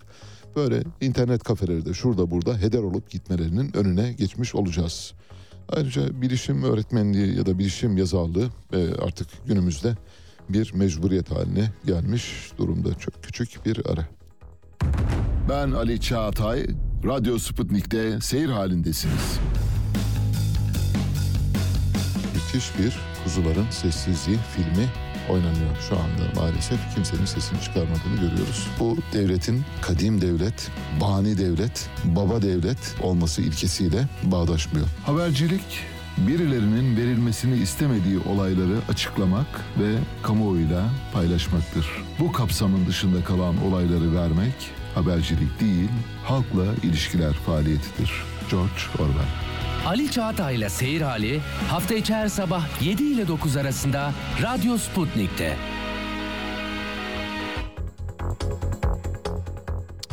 Evet, bugün itibariyle Washington'da büyük bir zirve var. Ee, Bugün başlayıp 30 Mart'ta sona erecek. Bu zirvenin adı Demokrasi Zirvesi. Zirvenin ev sahibi Amerika Birleşik Devletleri ve zirveye ev sahipliği yapan da Amerikan Başkanı Joe Biden. Türkiye bu zirveye geçen yılda çağrılmamıştı. Bu yılda çağrılmadı. Türkiye'nin bu zirveye neden çağrılmadığı ile ilgili Amerikan yönetiminin çok net bir açıklaması var. Deniyor ki Türkiye'deki demokrasi ihlalleri, insan hakları ihlalleri vesaire falan aslında Türkiye'nin böyle hafif Rusya'ya doğru yanaşmış olması biraz Amerika'yı pirelendiriyor. O yüzden de Türkiye'yi bu işlerin dışında yani Rusya'yla çok yakın olduğun sürece aman benden uzak ol ya da benim yakınıma gelme benim bulunduğum yerlerde gözükme diyor. O yüzden zirveye bizi davet etmedi Amerika Birleşik Devletleri. Bizim yerimize Gambiya, Honduras, Fildişi sahili, Moritanya, Mozambik, Tanzanya, Irak gibi. Mesela Irak'ta çok demokrasi var değil mi? Değil mi? Irak'taki demokrasi müthiş. Ben Irak'taki demokrasiye hayranım, hastasıyım. Moritanya olağanüstü. Demokrasinin nirvanası. Yani Lüksemburg'da yok oradaki demokrasi. Fil dişi sahili onu onu zaten hiç saymıyorum. O kategori dışı bir ülke. Oradaki demokrasiye henüz erişebilen ülke yok. İzlanda ile yarışır. Tanzanya vallahi o da öyle. O da o da yani mükemmel. Yunanistan demokrasisinden daha iyi demokrasisi var. Gambiya müthiş bir ülke. Orada Amerika Birleşik Devletleri ile yarışa girebilecek bir oyuncu karakteri var zaten. Onları çağırıyorsunuz, Türkiye'yi çağırmıyorsunuz. Niye? Demokrasi eksik diyorsunuz. Başka kimleri çağırmıyorsunuz? Rusya'yı çağırmıyor. Çin, İran, Suudi Arabistan, Macaristan, Vietnam, Venezuela'yı çağırmıyorsunuz. Bunlarda demokrasi yok diyorsunuz. Nerede var? Honduras'ta var. Fil dişi sahilinde, Moritanya'da, Mozambik'te, Tanzanya'da, Gambiya'da, Irak'ta. Irak'taki demokrasi hakikaten çok olağanüstü. Ben Irak'taki demokrasiye hastayım yemin ederim. Ve Belarus, Venezuela gibi Amerikan çıkarlarına uygun hareket etmeyen muhalefet temsilcileri davet ediliyor. Bakın şimdi Belarus'u davet etmiyorsunuz, Belarus'taki muhalefeti davet ediyorsunuz. Venezuela'yı davet etmiyorsunuz, Venezuela'daki muhalefeti davet ediyorsunuz. Çin'i davet etmiyorsunuz, Çin'e karşı hareket eden Tayvan ve Uygur temsilcilerini davet ediyorsunuz. Türkiye'den acaba kimi neyse çok tehlikeli sulara doğru giriyorum oraya girmeyeceğim çıktım girmeden çıktım sudan.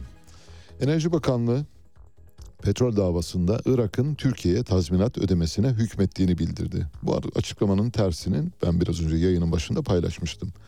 Bu, bu haber böyle değil aslında. Enerji Bakanlığı eski deyimle söylemek gerekirse mevhumu muhaliften geliyor. Yani bilmezden geliyor.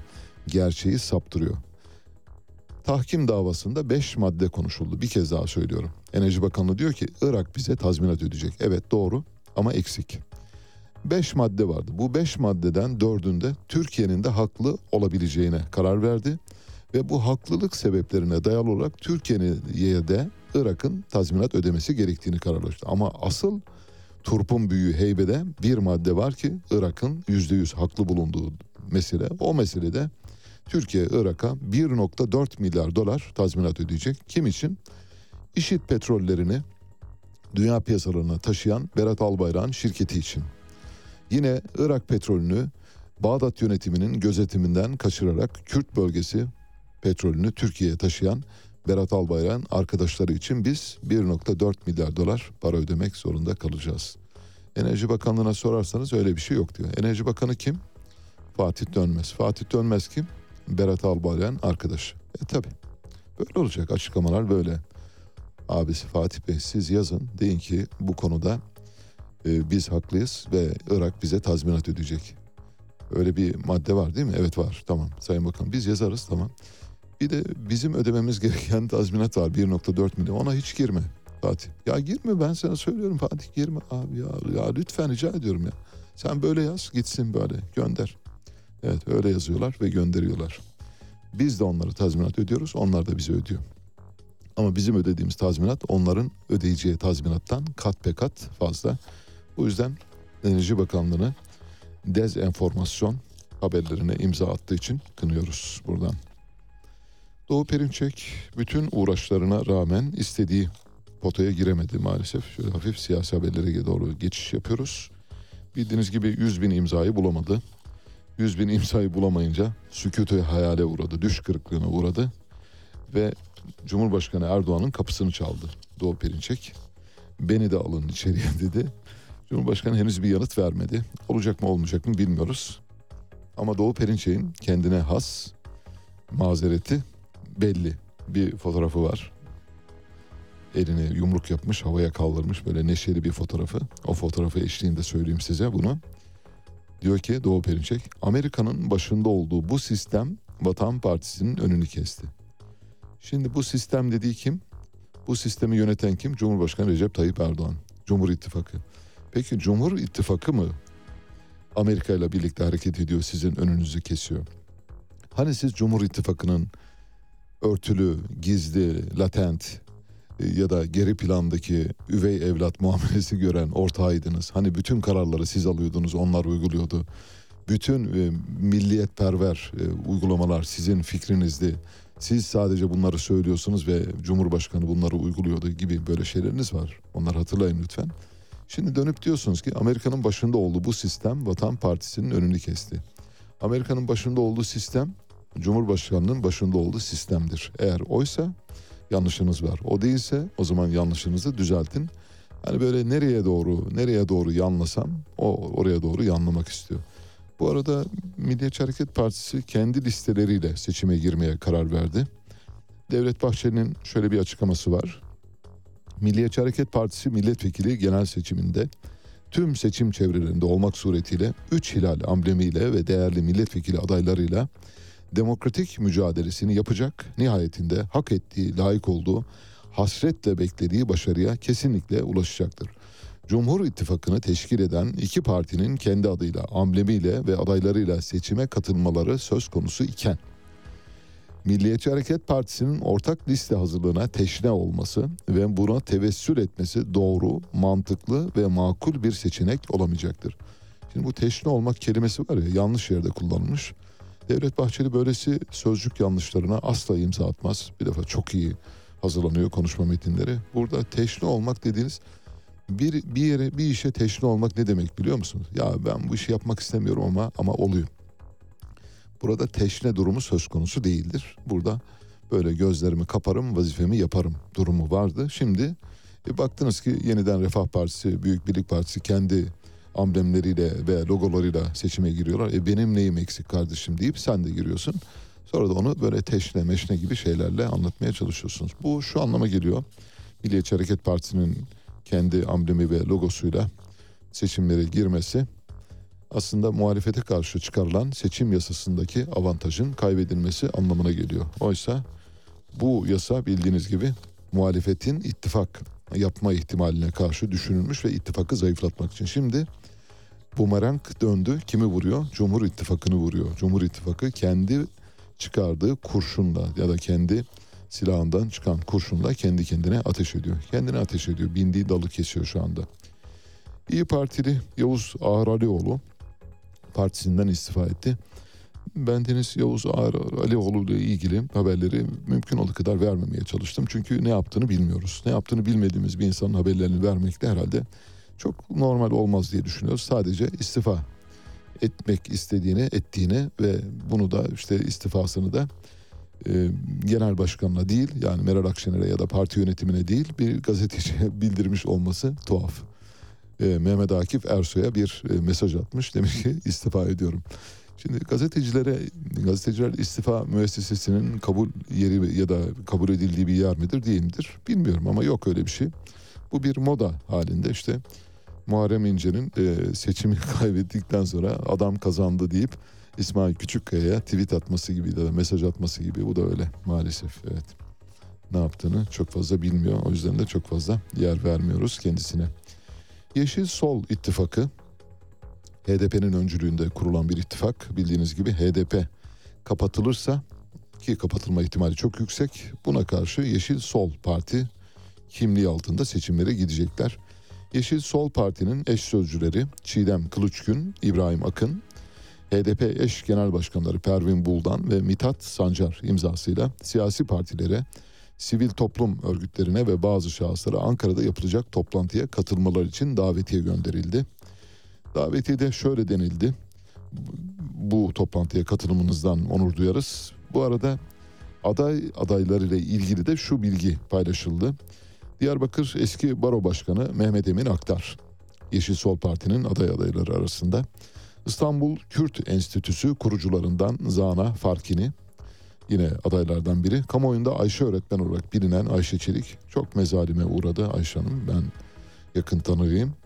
Siirt'te İyi Parti lideri Meral Akşener'le yaşadığı diyalog sırasında burası Kürdistan diyen Cemil Taşkesen aday adayları arasında sadece bir slogan attı. Milletvekili adaylığını kaptı. Nasıl? Görüyor musunuz? İşte böyle uyanık olacaksınız. Gideceksiniz uygun yerde yapacaksınız. Uygun olmayan yerde yaparsanız olmaz. Bir slogan attı. Hop tak ne oldu? Listeye girdi. Başka kim var? İnsan Hakları Derneği Başkanı Özgür Öztürk Türk Doğan yine aday adaylar arasında. Asıl bomba geliyor. Bomba şu. Hasan abi de Yeşil Parti'nin aday adayı. Hasan abi kim? Hasan Cemal. Enver e, Cemal Paşa'nın torunu. E, İttihat ve Terakkici Cemal Paşa'nın torunu Hasan abi. Neden Hasan abi diyoruz Hasan Cemal'e? Biz söylemiyoruz. Hasan abi diyen Cumhurbaşkanı Recep Tayyip Erdoğan. Bildiğiniz gibi Hasan Cemal 2004'ten 2013'ün sonuna kadar Cumhurbaşkanı'nın uçaklarından inmeyen bir uçaktan öteki uçağa transfer olarak o geziden bu geziye, o limandan bu limana gidip gelen bir kişiydi ve uçakta da Cumhurbaşkanı kendisiyle konuşurken Hasan abi diyordu. O yüzden biz de kendisine Hasan abi diyoruz saygıda kusur etmemek bakımından. Şimdi Hasan Cemal'i aday gösteriyor Yeşil Sol İttifak. Hakikaten bunu anlamakta çok zorlanıyorum. Gerçekten hangi değerlere göre? Şu seçilen adaylar için de aynı şeyi söyleyeceğim. Ya adam bir defa çıkıyor burası Kürdistan diyor hop alıyorsunuz aday yapıyorsunuz. Şimdi bu popülizmin popülizmin nirvanası değil mi? Bu diğer partilerin yaptığından sizi farklı kılacak bir şey mi? Siz diğer partilerin yaptıklarını kınarken aynı aynı hatanın içine, aynı hataya düşmeyi neyle anlatıyorsunuz? Buna ilişkin bir şeyler söylemeniz lazım. Burada mesela bir tane isim var. Bu işi hak eden bir Ayşe öğretmen. Bir tek o mağdurdur. Onun dışındakileri kardeşim bu bilek güreşi isteyen gelir bileğinin gücüyle aday olur kazanır ya da kaybeder gider. Öyle yapacaksınız bizim aday adayımız diye. Parti gösteriyor şimdi bunların hepsi milletvekili olacak. Niye? Bir defa Kürdistan dediği için bir adam milletvekili oluyor parlamentoya giriyor.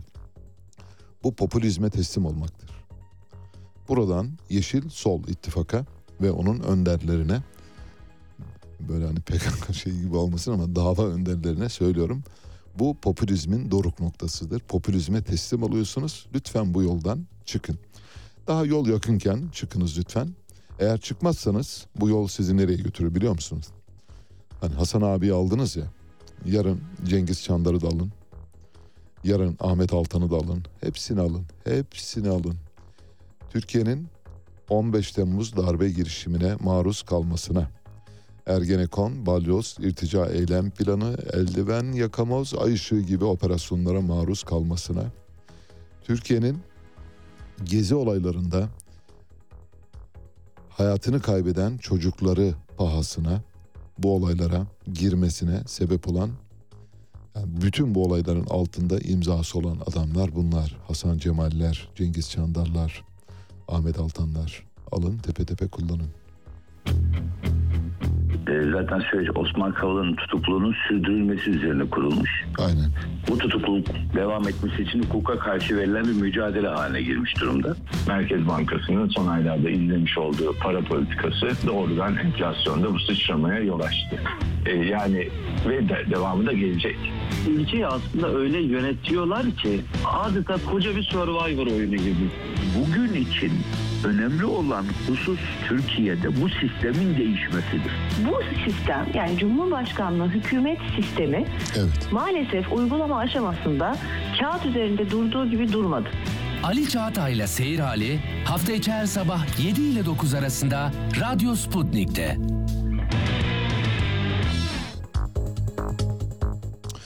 Evet depremde bildiğiniz gibi bir havalimanında çöktü. Hatay Havalimanı e, pisti yarıldı çatladı ortasından ve Ankara Büyükşehir Belediyesi'nin çabalarıyla hat daha doğrusu pist onarıldı ancak pistin onarımı bile büyük bir tartışma yarattı. Bu pistin işte kim tarafından onarıldığı konusunda ciddi polemikler ortaya çıktı. Ancak biz e, Ankara Büyükşehir Belediyesi'nin ekiplerinin orada çalışma yaptığına dair fotoğrafları gördük. Dolayısıyla onlar başladılar. Elbette son cilayı muhtemelen Ulaştırma Altyapı Bakanlığı yapmıştır ama ilk e, pisti tamir eden ve uçulabilir e, hale getiren Ankara Büyükşehir Belediyesi'dir. Şimdi Hatay Havalimanı'nın neden yapıldığıyla ilgili bir sorgulama sürüyor. Büyük Millet Meclisi'nde bir deprem araştırma komisyonu oluşturuldu biliyorsunuz. Deprem araştırma komisyonunun başkanı da Veysel Eroğlu eski Tarım Orman Köy İşleri Bakanı, Tarım Orman Bakanı e, ve eski Devlet Su İşleri Genel Müdürü, eski İSKİ Genel Müdürü aklınıza gelebilecek her türlü devlette umur görmüş görevlere gelmiş olan kişi. Kendisi bir profesör. Ayrıca e, AK Partililer kendisini bizim su müdürümüz diye çağırıyorlar. Su müdürü bir tek Süleyman Demirel'e Celal Bayar tarafından verilmiş bir ünvandır. Su müdürlüğü orada kaldı. Yani yeniden böyle taklitlerle su müdürü yaratamazsınız. Veysel Eroğlu bu komisyonda Hatay Havalimanı ile ilgili bir itirafta bulundu. Dedi ki devlet su işleri zamanında bizi uyardı. Biz de uygun olmadığını belirttik. Sosyal baskı neticesinde oraya havalimanı yapmak zorunda kaldık. Şöyle dedi komisyonda. Tabii dedi bu eksiklerin bir an önce giderilmesinde fayda var. Elbette Hatay Havalimanı konusunda ben bakandım. Hatay Devlet Su İşleri'nden görüş istendi. Esasen biz de burada havalimanı yapılmasının uygun olmadığını belirtmiştik yani. Onu da açıkça ifade edeyim. Ama Antakya'dan çok büyük baskı geldi. Orada yani biz İskenderun tarafına havalimanı istemiyoruz. Bu tarafa istiyoruz mutlaka diye. Dolayısıyla sosyal baskı neticesinde oraya havalimanı yapıldı. Buna özellikle dikkat etmek lazım çünkü havaalanı yapılırken ya burası taşkına maruz kalabilir diye devlet su işleri tarafından bazı kanallarda açıldı. Özellikle yağışın havalimanına intikal etmemesi için bunların etraftaki gerekli ıslahların tekrar bir kontrol edilmesi gerektiği kanaatindeyim. Hiçbir şey söylemiyor. Yani itirafta bulunuyor. Diyor ki ben bakandım. Devlet suçlarının da içinden gelen biriyim. Aynı zamanda devlet suçları bu projeye onay vermedi. Sakıncalı buldu. Buna rağmen yaptık. Çünkü üzerimizde büyük bir baskı vardı. Baskı dediğine seçmen davranışı. Diyorlar ki Hataylılar ya abi İskenderun'a yakın olmasın. Bu tarafa doğru olsun. E bu tarafta yer var mı? Var işte şurada bir yer var diye. Götürüp oraya yapıyorsunuz. Bunu bile bile yapıyorsunuz. Normal şartlarda yani biz normal bir ülkede yaşamış olsak, demokrasisi gelişkin bir ülkede olsak, mesela Irak'taki demokrasi e, mükemmel biliyorsunuz Amerika, Irak'ı demokrasisi yükselen ülkeler kategorisinde olduğu için demokrasi zirvesine davet ediyor. Mesela normal şartlarda bu zatı muhterem Veysel Eroğlu herhangi bir demokrasi kırıntısı olan bir ülkede olsa şunu söylediği andan itibaren hemen savcılığın soruşturma açması lazım. Hatta polisin de gelip kelepçeyi takıp götürmesi lazım. Ama işte olmuyor. Niye olmuyor? Çünkü söylüyorsunuz yani ortada kalıyor. Yani suç, suç olmaktan çıkmış durumda. Zaten öyle demedi mi İçişleri Bakanı Efkan Ala? Siz kapıyı kırın girin dedi biz onu suç olmaktan çıkarırız dedi. Bunun üzerine komisyonda Cumhuriyet Halk Partisi İstanbul Milletvekili Gökhan Zeybek Veysel Eroğlu'na şöyle dedi. Sayın Bakanım dedi. Sizi şöyle muhalefet tarafına alalım. Söylemleriniz böylece daha da güçlenir diyor. Böyle bir küçük ironi geçmiş arada. Sahte doktor Ayşe Özkiraz 8 yıl hapis cezasıyla yargılanıyordu bildiğiniz gibi. Dün tahliye edildi. Tekirdağ Çerkezköy Devlet Hastanesi'nde kendisini pratisyen hekim olarak tanıtan 13 yıla kadar hapis sistemiyle yargılanan sahte doktor Ayşe Özkiraz hakkında mahkeme özel belgede sahtecilik suçundan verdiği bir yıllık cezada hükmün açıklamasını geride bırakarak tahliye edilmesine hükmetti. Savcı bu arada tahliye kararına itiraz etti. Umarız savcının dediği olur. Yeniden tutuklanır. Bu arada Ayşe Özkiraz da işte pişmanım yapmamam lazımdı. Ya yaptığım için e, utanç duyuyorum gibi böyle hani nedamet getiren pişmanlık e, duygularını belirten açıklamalar yaptı. Ve mahkeme başkanı da çok yumuşayarak peki kızım o zaman sizi tahliye edelim dedi. Ayşe Özkiraz'ın avukatı müvekkilim doktor sıfatını kullandığı ancak bu işten maddi menfaat elde etmedi. Şimdi bakın yani buradaki buradaki oksimorona lütfen dikkatinizi çekiyorum. Müvekkilim doktor sıfatını kullandı ancak maddi menfaat elde etmedi. Bitmedi. Bir kişi de çıkıp Ayşe Özkiraz beni tedavi etti diyemez. Şimdi bakın yani hani neresinden tutsak elimizde kalıyor. Şimdi kendisi sahte doktor. Birilerini muayene etmiş, tedavi etmiş. Ameliyatta bulunmuş, dikiş atmış. Fotoğrafları var. Ama ne diyor avukatı savunurken? Diyor ki bir kişi bile Ayşe, Doktor Ayşe Hanım beni tedavi etti diye çıkmadı diyor. Dolayısıyla kimseyi tedavi etmiş değiliz. Şimdi doktorun görevi tedavi etmek değil mi? Evet. E peki tedavi etmeyen doktora doktor denir mi? Hayır. Tedavi etmeyen doktora doktor denmesi o zaman neden kendisini doktor diye niteliyor? Neden bu işlere giriyor? Savunmaya bakın. Bir kişi bile çıkıp Ayşe Özkiraz beni tedavi etti demiyor. Dese mahkum olacak. E buradan o sonuç çıkıyor. Şimdi bir kişi lütfen rica ediyorum Ayşe Özkiraz'ın e, muayene ve tedavisinden geçmiş olan bir kişinin çıkıp müşteki olarak, müdahil olarak davaya başvurması ve savcının elini kuvvetlendirmesini rica ediyoruz. Çıkıp demeli ki ben Ayşe Özkiraz'a gittim işte cildimde morluklar vardı bana böyle bir krem verdi tedavi etti ve ben tedavi oldum. İşte avukatın savunması düşer burada. Savcının iddiası da güçlenir ama olsun. Seçime doğru gidiyoruz. Abi içeride kim varsa çıkarın. Önemli değil. Arada kaybolur gider. İşte içeride kim varsa çıkarın kaybolur gider dediklerimizden biri de fotoğrafı da var e, Harun paylaşacak bir e, iç güvenlik kamerasından, MOBESE'den alınan bir fotoğraf. Biliyorsunuz Kağıthane'de bir markette kadınların etek altı fotoğraflarını çeken ve gözaltına alınan, tutuklanan 17 yıl hapis cezasıyla yargılanan komiser S.E. ne oldu? Tahliye edildi. Nasıl? Bence güzel. Evet böylece diyorlar ki sen çık tekrar bildiklerini uygulamaya devam et. Çok güzel şeyler yapıyorsun. Senden iyi filmci olur. Senden iyi senarist olur. Sen var ya büyük bir yapımcısın. Biz senin hakkını vermemişiz zamanında. Hakkını verseydik büyük bir adam olacaktın. O yüzden dışarı çıkarıyorlar. Görüyorsunuz değil mi? Ayşe Özkiraz'a tahliye. Kadınların etek altı fotoğraflarını çeken komisere tahliye. Yunanistan, İsrail affedersiniz. İsrail'de gösteriler sürüyor. Netanyahu hükümeti çok zor durumda. Bir fotoğraf var paylaşacağız. Fotoğraflarda bir pankart açılmış. Pankartta sonumuz Türkiye gibi olmasın diyor. Nasıl? Şimdi İsrail'de demokrasi çalkalanıyor. Hükümet e, tek ayak üzerinde şu an Alesta bekliyor gitmek üzere. Cezalandırmış durumda ve vatandaşlar Türkiye gibi olmak istemiyoruz diye pankart açıyorlar. Türkiye şu anda dünyaya örnek ülkelerden bir tanesi. Hani örnek arıyorsanız iyi örnek, kötü örnek diye bakmayın. Örneğin iyisi kötüsü olmaz. İşte Türkiye şu anda dünyaya örnek bir ülke durumuna gelmiş vaziyette. İsrail'de üst düzey bir güvenlik görevlisi Başbakan Netanyahu'nun savunma bakanı Galant'ı görevden almasının ardından ülkenin çeşitli yerlerinde düzenlenen gösterilerde polisin kontrolü kaybettiğini söylüyor. Polis artık kontrol edemez duruma geldi diyor. Bu arada İsrail'in eski savunma bakanlarından, eski genelkurmay başkanı, çok kudretli bir genelkurmay başkanıydı. Benny Gantz, Biden hükümete uyarı mesajı gönderdi diyor. İsrail'de olup biten bütün şeyin arkasında Amerika Birleşik Devletleri'nin olduğunu söylüyor. Şöyle dedi Benny Gantz, Amerikan Başkanı Joe Biden İsrail hükümetine acil uyarı mesajı gönderdi. Bizim en önemli müttefikimiz ve en iyi dostumuz Amerika ile ilişkileri yıkmak stratejik bir saldırıdır. Netanyahu durumu düzeltmek ve bu değerlerin temeli olan İsrail demokrasisini korumak için hızlı hareket etmek üzere yasal mevzuat konusunda müzakere ekiplerini yönlendirmeli. Şimdi eski Genelkurmay Başkanı bildiğiniz gibi NATO ve NATO ile birlikte hareket eden ülkelerde milli ordular son tahlilde bir NATO ordusudur. İsrail ordusu da bir NATO ordusudur. İsrail ordusunun komutanlığını yapmış eski savunma bakanı Benny Gantz Amerika Birleşik Devletleri'nin sözcüsü gibi konuşuyor. İşte bu ülkelerde at izinin nasıl böyle it izine karıştığını gösteren göstergelerden bir tanesi. Normal şartlarda ülkesinin çıkarlarını, bekasını savunmak zorunda olan bir genelkurmay başkanı hala Amerika'dan yediği ekmeğin hakkını verebilmeye çalışıyor.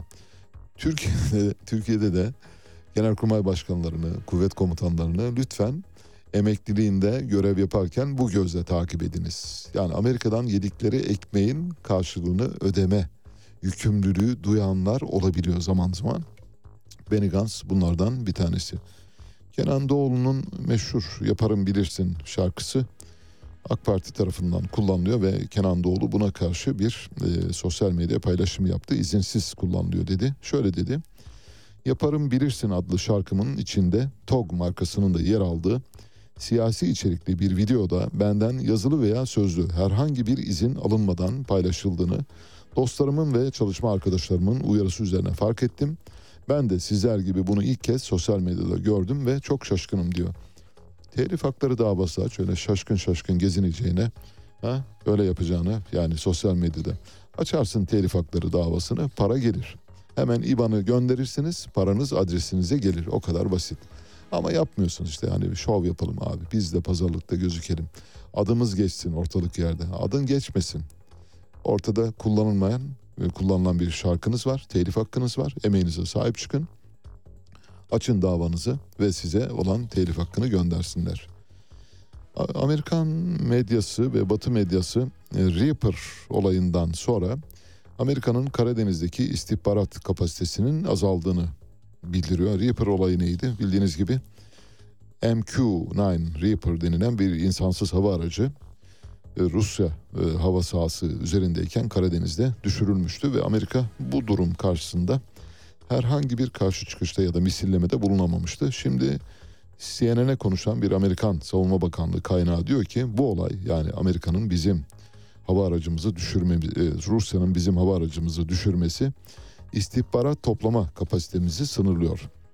İsmi açıklanmayan bir başka kaynakta güzergahların oluşturulmasında Amerikan Başkanı Joe Biden idaresinin Moskova ile doğrudan çatışmaya dönüşebilecek olaylardan kaçınma çabasını gördü. bu kaynak uzaktan uçuşların bir süre daha devam edeceğini e, lakin eski güzergahlara dönme isteğinin olduğunu dile getirdi. CNN bir hafta önce Amerika'nın İHA uçuşlarını Kırım ve Karadeniz'in doğusunu çevreleyen hava sahasının uzağına taşıdığını bildirmişti. Flight Radar e, portalından alınan ver, veriler de bu haberi doğrulamıştı. Şimdi İskoçya'nın yeni başbakanı eğer Harun bulabilirse fotoğrafı muhteşem bir fotoğraf. İlk e, göreve seçildikten sonra evinde bir şükür namazı kılıyor ailesiyle birlikte. İskoçya ilk kez tarihte bir Müslüman başbakan tarafından yönetilecek Hamza Yusuf bildiğiniz gibi. Hamza Yusuf evindeki namazın görüntülerini paylaştı. Çok mütevazi bir ailesi var bu arada söyleyelim. Kendisi bence son derece başarılı bir e, yani diasporanın işte bir Pakistanlı, bir Pakistan'da, Hindistan'da doğan insanların gelip İngiltere'de başbakanlık, İskoçya'da başbakanlık yapabilmesi büyük başarı. Ailesiyle bir fotoğraf paylaştı. Paylaşımda şöyle dedi. Ailem ve ben bugün parlamentoda yapılan oylamanın ardından evimizdeki ilk gecemizi yani başbakanlık ofisindeki ilk gecemizi geçiriyoruz. Birlikte iftardan sonra adet olduğu üzere ailemme namaz kıldırdım.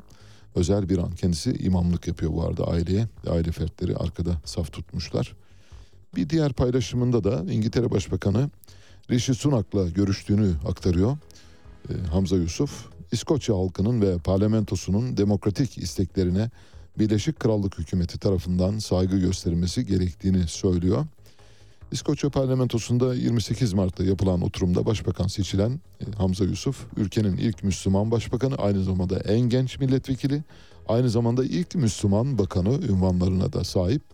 Şubat ayında Başbakan Nicola Sturgeon'un istifasıyla boşalan İskoçya Ulusal Partisi liderliğine kullanılan oyların %52'sini alarak seçildi ve e, şu ana kadar Hamza Yusuf'un siyasal e, tercihleriyle ilgili e, pek çok bilgi paylaşıldı. Onlardan bir tanesi mesela e, Hamza Yusuf eşcinsel evliliklere kürtaj hakkına karşı çıkıyor ancak LGBT haklarını savunacağını beyan ediyor. Fatih Erbakan'dan biraz burada ayrı düşüyor. Fatih Erbakan ona da karşı. Fatih Erbakan her şeye karşı. Eşcinsellere, kürtaja, LGBT'ye, şuna buna her şeye karşı. Fakat Hamza Yusuf hafif böyle e, yani yaşadığı ülkenin koşullarını da düşünerek LGBT haklarını savunacağım ama eşcinsel evliliklere ve kürtaj hakkına karşı çıkıyorum diyor. E, kürtaj bildiğiniz gibi özellikle Katolik dünyasında bir defa yasaklanmış ve e, insanlığın en büyük günahlarından biri olarak kabul ediliyor. Ben Ali Çağatay, Radyo Sputnik'te seyir halindesiniz.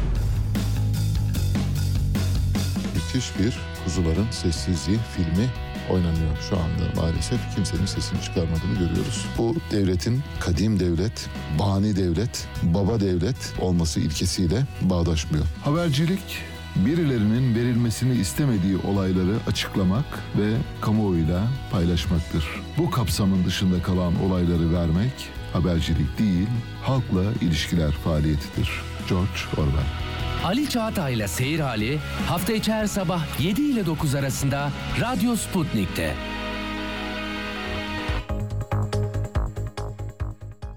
Evet, telefon bağlantısı saatimiz geldi. Telefon bağlantımızı bilişim teknolojileri öğretmeni ve eğitim teknoloğu Ufuk Akgün'le yapacağız. Bilişim teknolojisi öğretmenlerine tanınan sınırlı kontenjan yüzünden bu okullardan mezun olan öğrenciler öğretmen olamıyorlar. Dolayısıyla öğretmenlik haklarını elde edebilmeleri için kamuoyu desteğine ihtiyaçları var. Biz de onların sesi olmaya karar verdik. Ufuk Bey hoş geldiniz. Hoş bulduk Ali Bey. Ee, bizlere yayınınızda yer verdiğiniz için çok teşekkür ederiz. Ne demek, ne demek her zaman. Ee, bizim bölümümüz içinde yaptığınız mücadeleleri biliyoruz. Bu yüzden de size ayrıca e, teşekkürlerimizi ederiz bölümümüz adına. Sa- sağ olun. Ben de size sevgilerimi gönderiyorum. Şimdi yaklaşık 7-8 dakika vaktimiz var. Bize hem içinde bulunduğunuz durumu hem e, son kontenjanlarda tanınan e, işte payınızı ve bunlarla ilgili yürüttüğünüz faaliyetleri anlatmanızı rica ediyorum. Ne tür girişimlerde bulundunuz? Umut var mı yok mu? Dersin zorunlu hale gelmesiyle ilgili herhangi bir çaba yürütebilecek durumda mısınız diye ayrıca soruyorum. Buyurun. Ee, bu yıl biz e, 100 bin diye mottoyla yola çıkmıştık. Cumhuriyet yılında 100 bin atama diye. Maalesef 100 bin atama gelmedi. 45 bin gibi bir rakam açıklandı. Evet. 2023 yılında atınacak öğretmenler için. Evet 45 binde bilişim teknolojilerine sadece ve sadece 217 kontenjan verildi. Evet. Yani dünyanın dijitalleştiği bu dönemde dünyanın dijital anlamda farklı bir yere evrildiği bu dönemde maalesef ki maalesef bizim ülkemizde 217 kontenjancık verildi diyoruz. İronik bir rakam. Kesinlikle.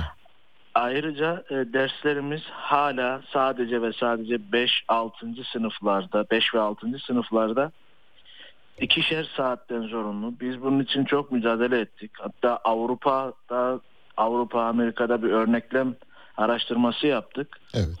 İnternet üzerinden. Robotik kodlama dersi adı altında gelişmiş ve gelişmekte olan ülkelerde Avrupa'da özellikle kodlama dersleri ana sınıflarından başlanıp ta ki liseye kadar, üniversiteye kadar veriliyor. Maalesef bizde e, Milli Eğitim Bakanlığı'na bağlı devlet okullarında kodlama dersi diye bir dersi diye bir ders yok. Evet. E, Böyle sorunlarla mücadele ediyoruz. E, Bazı girişimlerde bulunduk. Hatta bu kontenjanı da Milli Eğitim'e sorduğumuz zaman bize üstün körü verilen cevapta resmi bir açıklama yapılmıyor zaten. Üstün körü verilen cevaplarda da işte sizin açığınız bu kadardı deniliyor. Evet. Biz de bunun üzerine e, il milli eğitimlerde sitelerinde norm fazlası, norm ihtiyaç listeleri yayınlanıyor. Bunları bile indirdiğimizde ihtiyacın atanılan sayının kat ve kat üstünde olduğu görülüyor. Bölümümüzün sorunları bir türlü bitmiyor. Bu ülkede bir dönem Fatih projesi uygulandı. Fatih projesine sahip çıkacak olan bizleriz. Ama maalesef devletimiz bizi o göreve layık görmüyor herhalde. Onun dışında bilişimle üretim projesi vardı Ziya Selçuk Bakan döneminde. Evet. Ee, görevden ayrılmadan 6 ay önce geniş çaplı pilot uygulamaya geçilecekti. Ciddi yatırımlar yapıldı. Ama maalesef o projede bakan değişikliği olduğu için rafa kalktı. Ayrıca bizim bölümümün başka sorunları da var. Ee, BÖTE, TEF ayrımı diye yani teknik eğitim ve mühendisler bir kısım e, normal bilgisayar öğretim teknolojileri bölümleri farklı bir statüde değerlendiriliyor ama kontenjanları bir. Ha kontenjan aynı. Dolayısıyla e, onlar için de sizin için de e, sonuç değişmiyor. Yani sonuç yine sıfıra ibla olacak. Evet peki. Buyurun. Aynen öyle. Ee, örnek olarak verecek olursam mesela 217. sıradaki Böteli arkadaşım yani eğitim fakültesi mezunu arkadaşım atandığını atanıp atanmayacağını bilmiyor. Çünkü orada teknik eğitim yani meslek liselerine verilecek kontenjan hala açıklanmamış. Evet. Bunu sadece tercih ekranında görüyoruz. Bu da ciddi anlamda mağduriyet doğuruyor. Yani biz meslek yani Böteliler e, meslek liselerini yazamıyor ama onlar diğer tefli dediğimiz grup hem meslek lisesini yazabiliyor hem orta öğretimi yazabiliyor. Böyle bir tezatlık da var. Bazı çalışmalar yapıyoruz. Ee, biz de bu süreçte maalesef akademisyen desteğimiz de yok. Hocalarımız, bölüm hocalarımız bölümümüze sahip çıkmıyor. Biz bir avuç insan olarak sahip çıkmaya çalışıyoruz. Arkamızda destek de yok. Sizin gibi duyarlı insanlar da olmasa sesimizi duyacak olan da yok. Böyle bir tezatlık içerisinde ve üzülüyoruz da. Yılda kaç e, öğretmen mezun oluyor Ufuk Bey? Yani sizin bölümünüzden ve bir de diğer bölümünü de katarak söyle. Yani ikisini ayrı ayrı Yani yılda 19 bölümle yarışıyoruz biz Ali Bey şu anda. 19 bölüm. Evet. O, bizden farklı bizimle beraber 19 bölüm. E, yılda mezunu yoksa 10 binin üzerindedir. Of. 10 bin, 10 bin kişi ve sadece iki yani yüzde yüzde bir e, kontenjanla e, ancak şeyde tutuluyor. Yani o, o kadar bile olmuyor maalesef. Dolayısıyla Maalesef. Bir de e, insanın e, zoruna gidiyor. Biz son 3 atamada 2020'de 20 bin alım yapılmış. 50 kontenjan verilmiş. 2021'de 35 bin karma alım yapılmış. Toplamda 163 kontenjan verilmiş. 2022'de de tekrar söylüyorum 217 kontenjan verildi. Ve bu kontenjan biz bu ülkenin evladı değil miyiz? Hep kıyılan neden bizim bölüm oluyor? Dünya farklı bir yere evrilirken neden biz? Sayın yetkililerden eğer bizi dinleyen varsa bunu bize bir şekilde izah etsinler. Desinler ki biz şuna da razıyız aslında.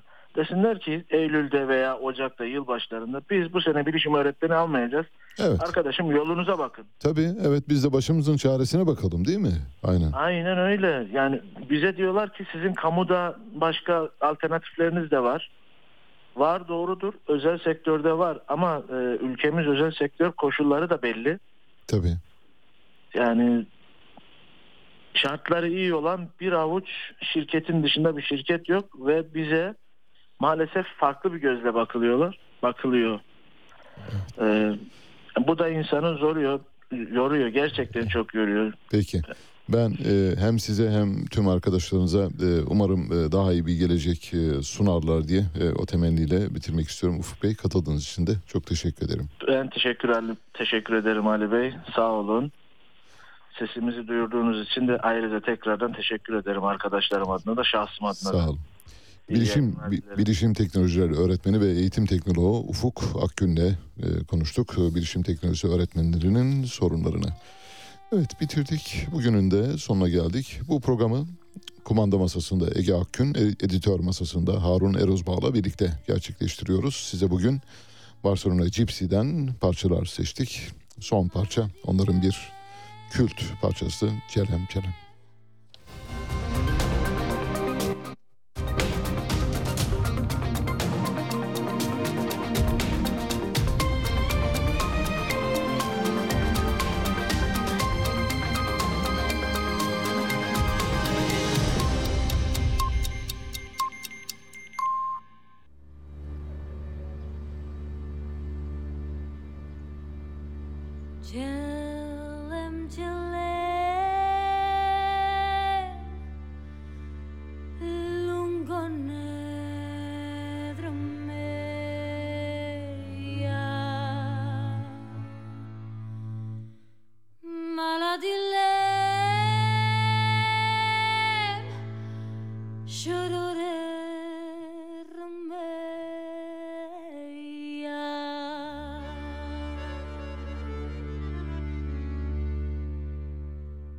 Jill and Jill.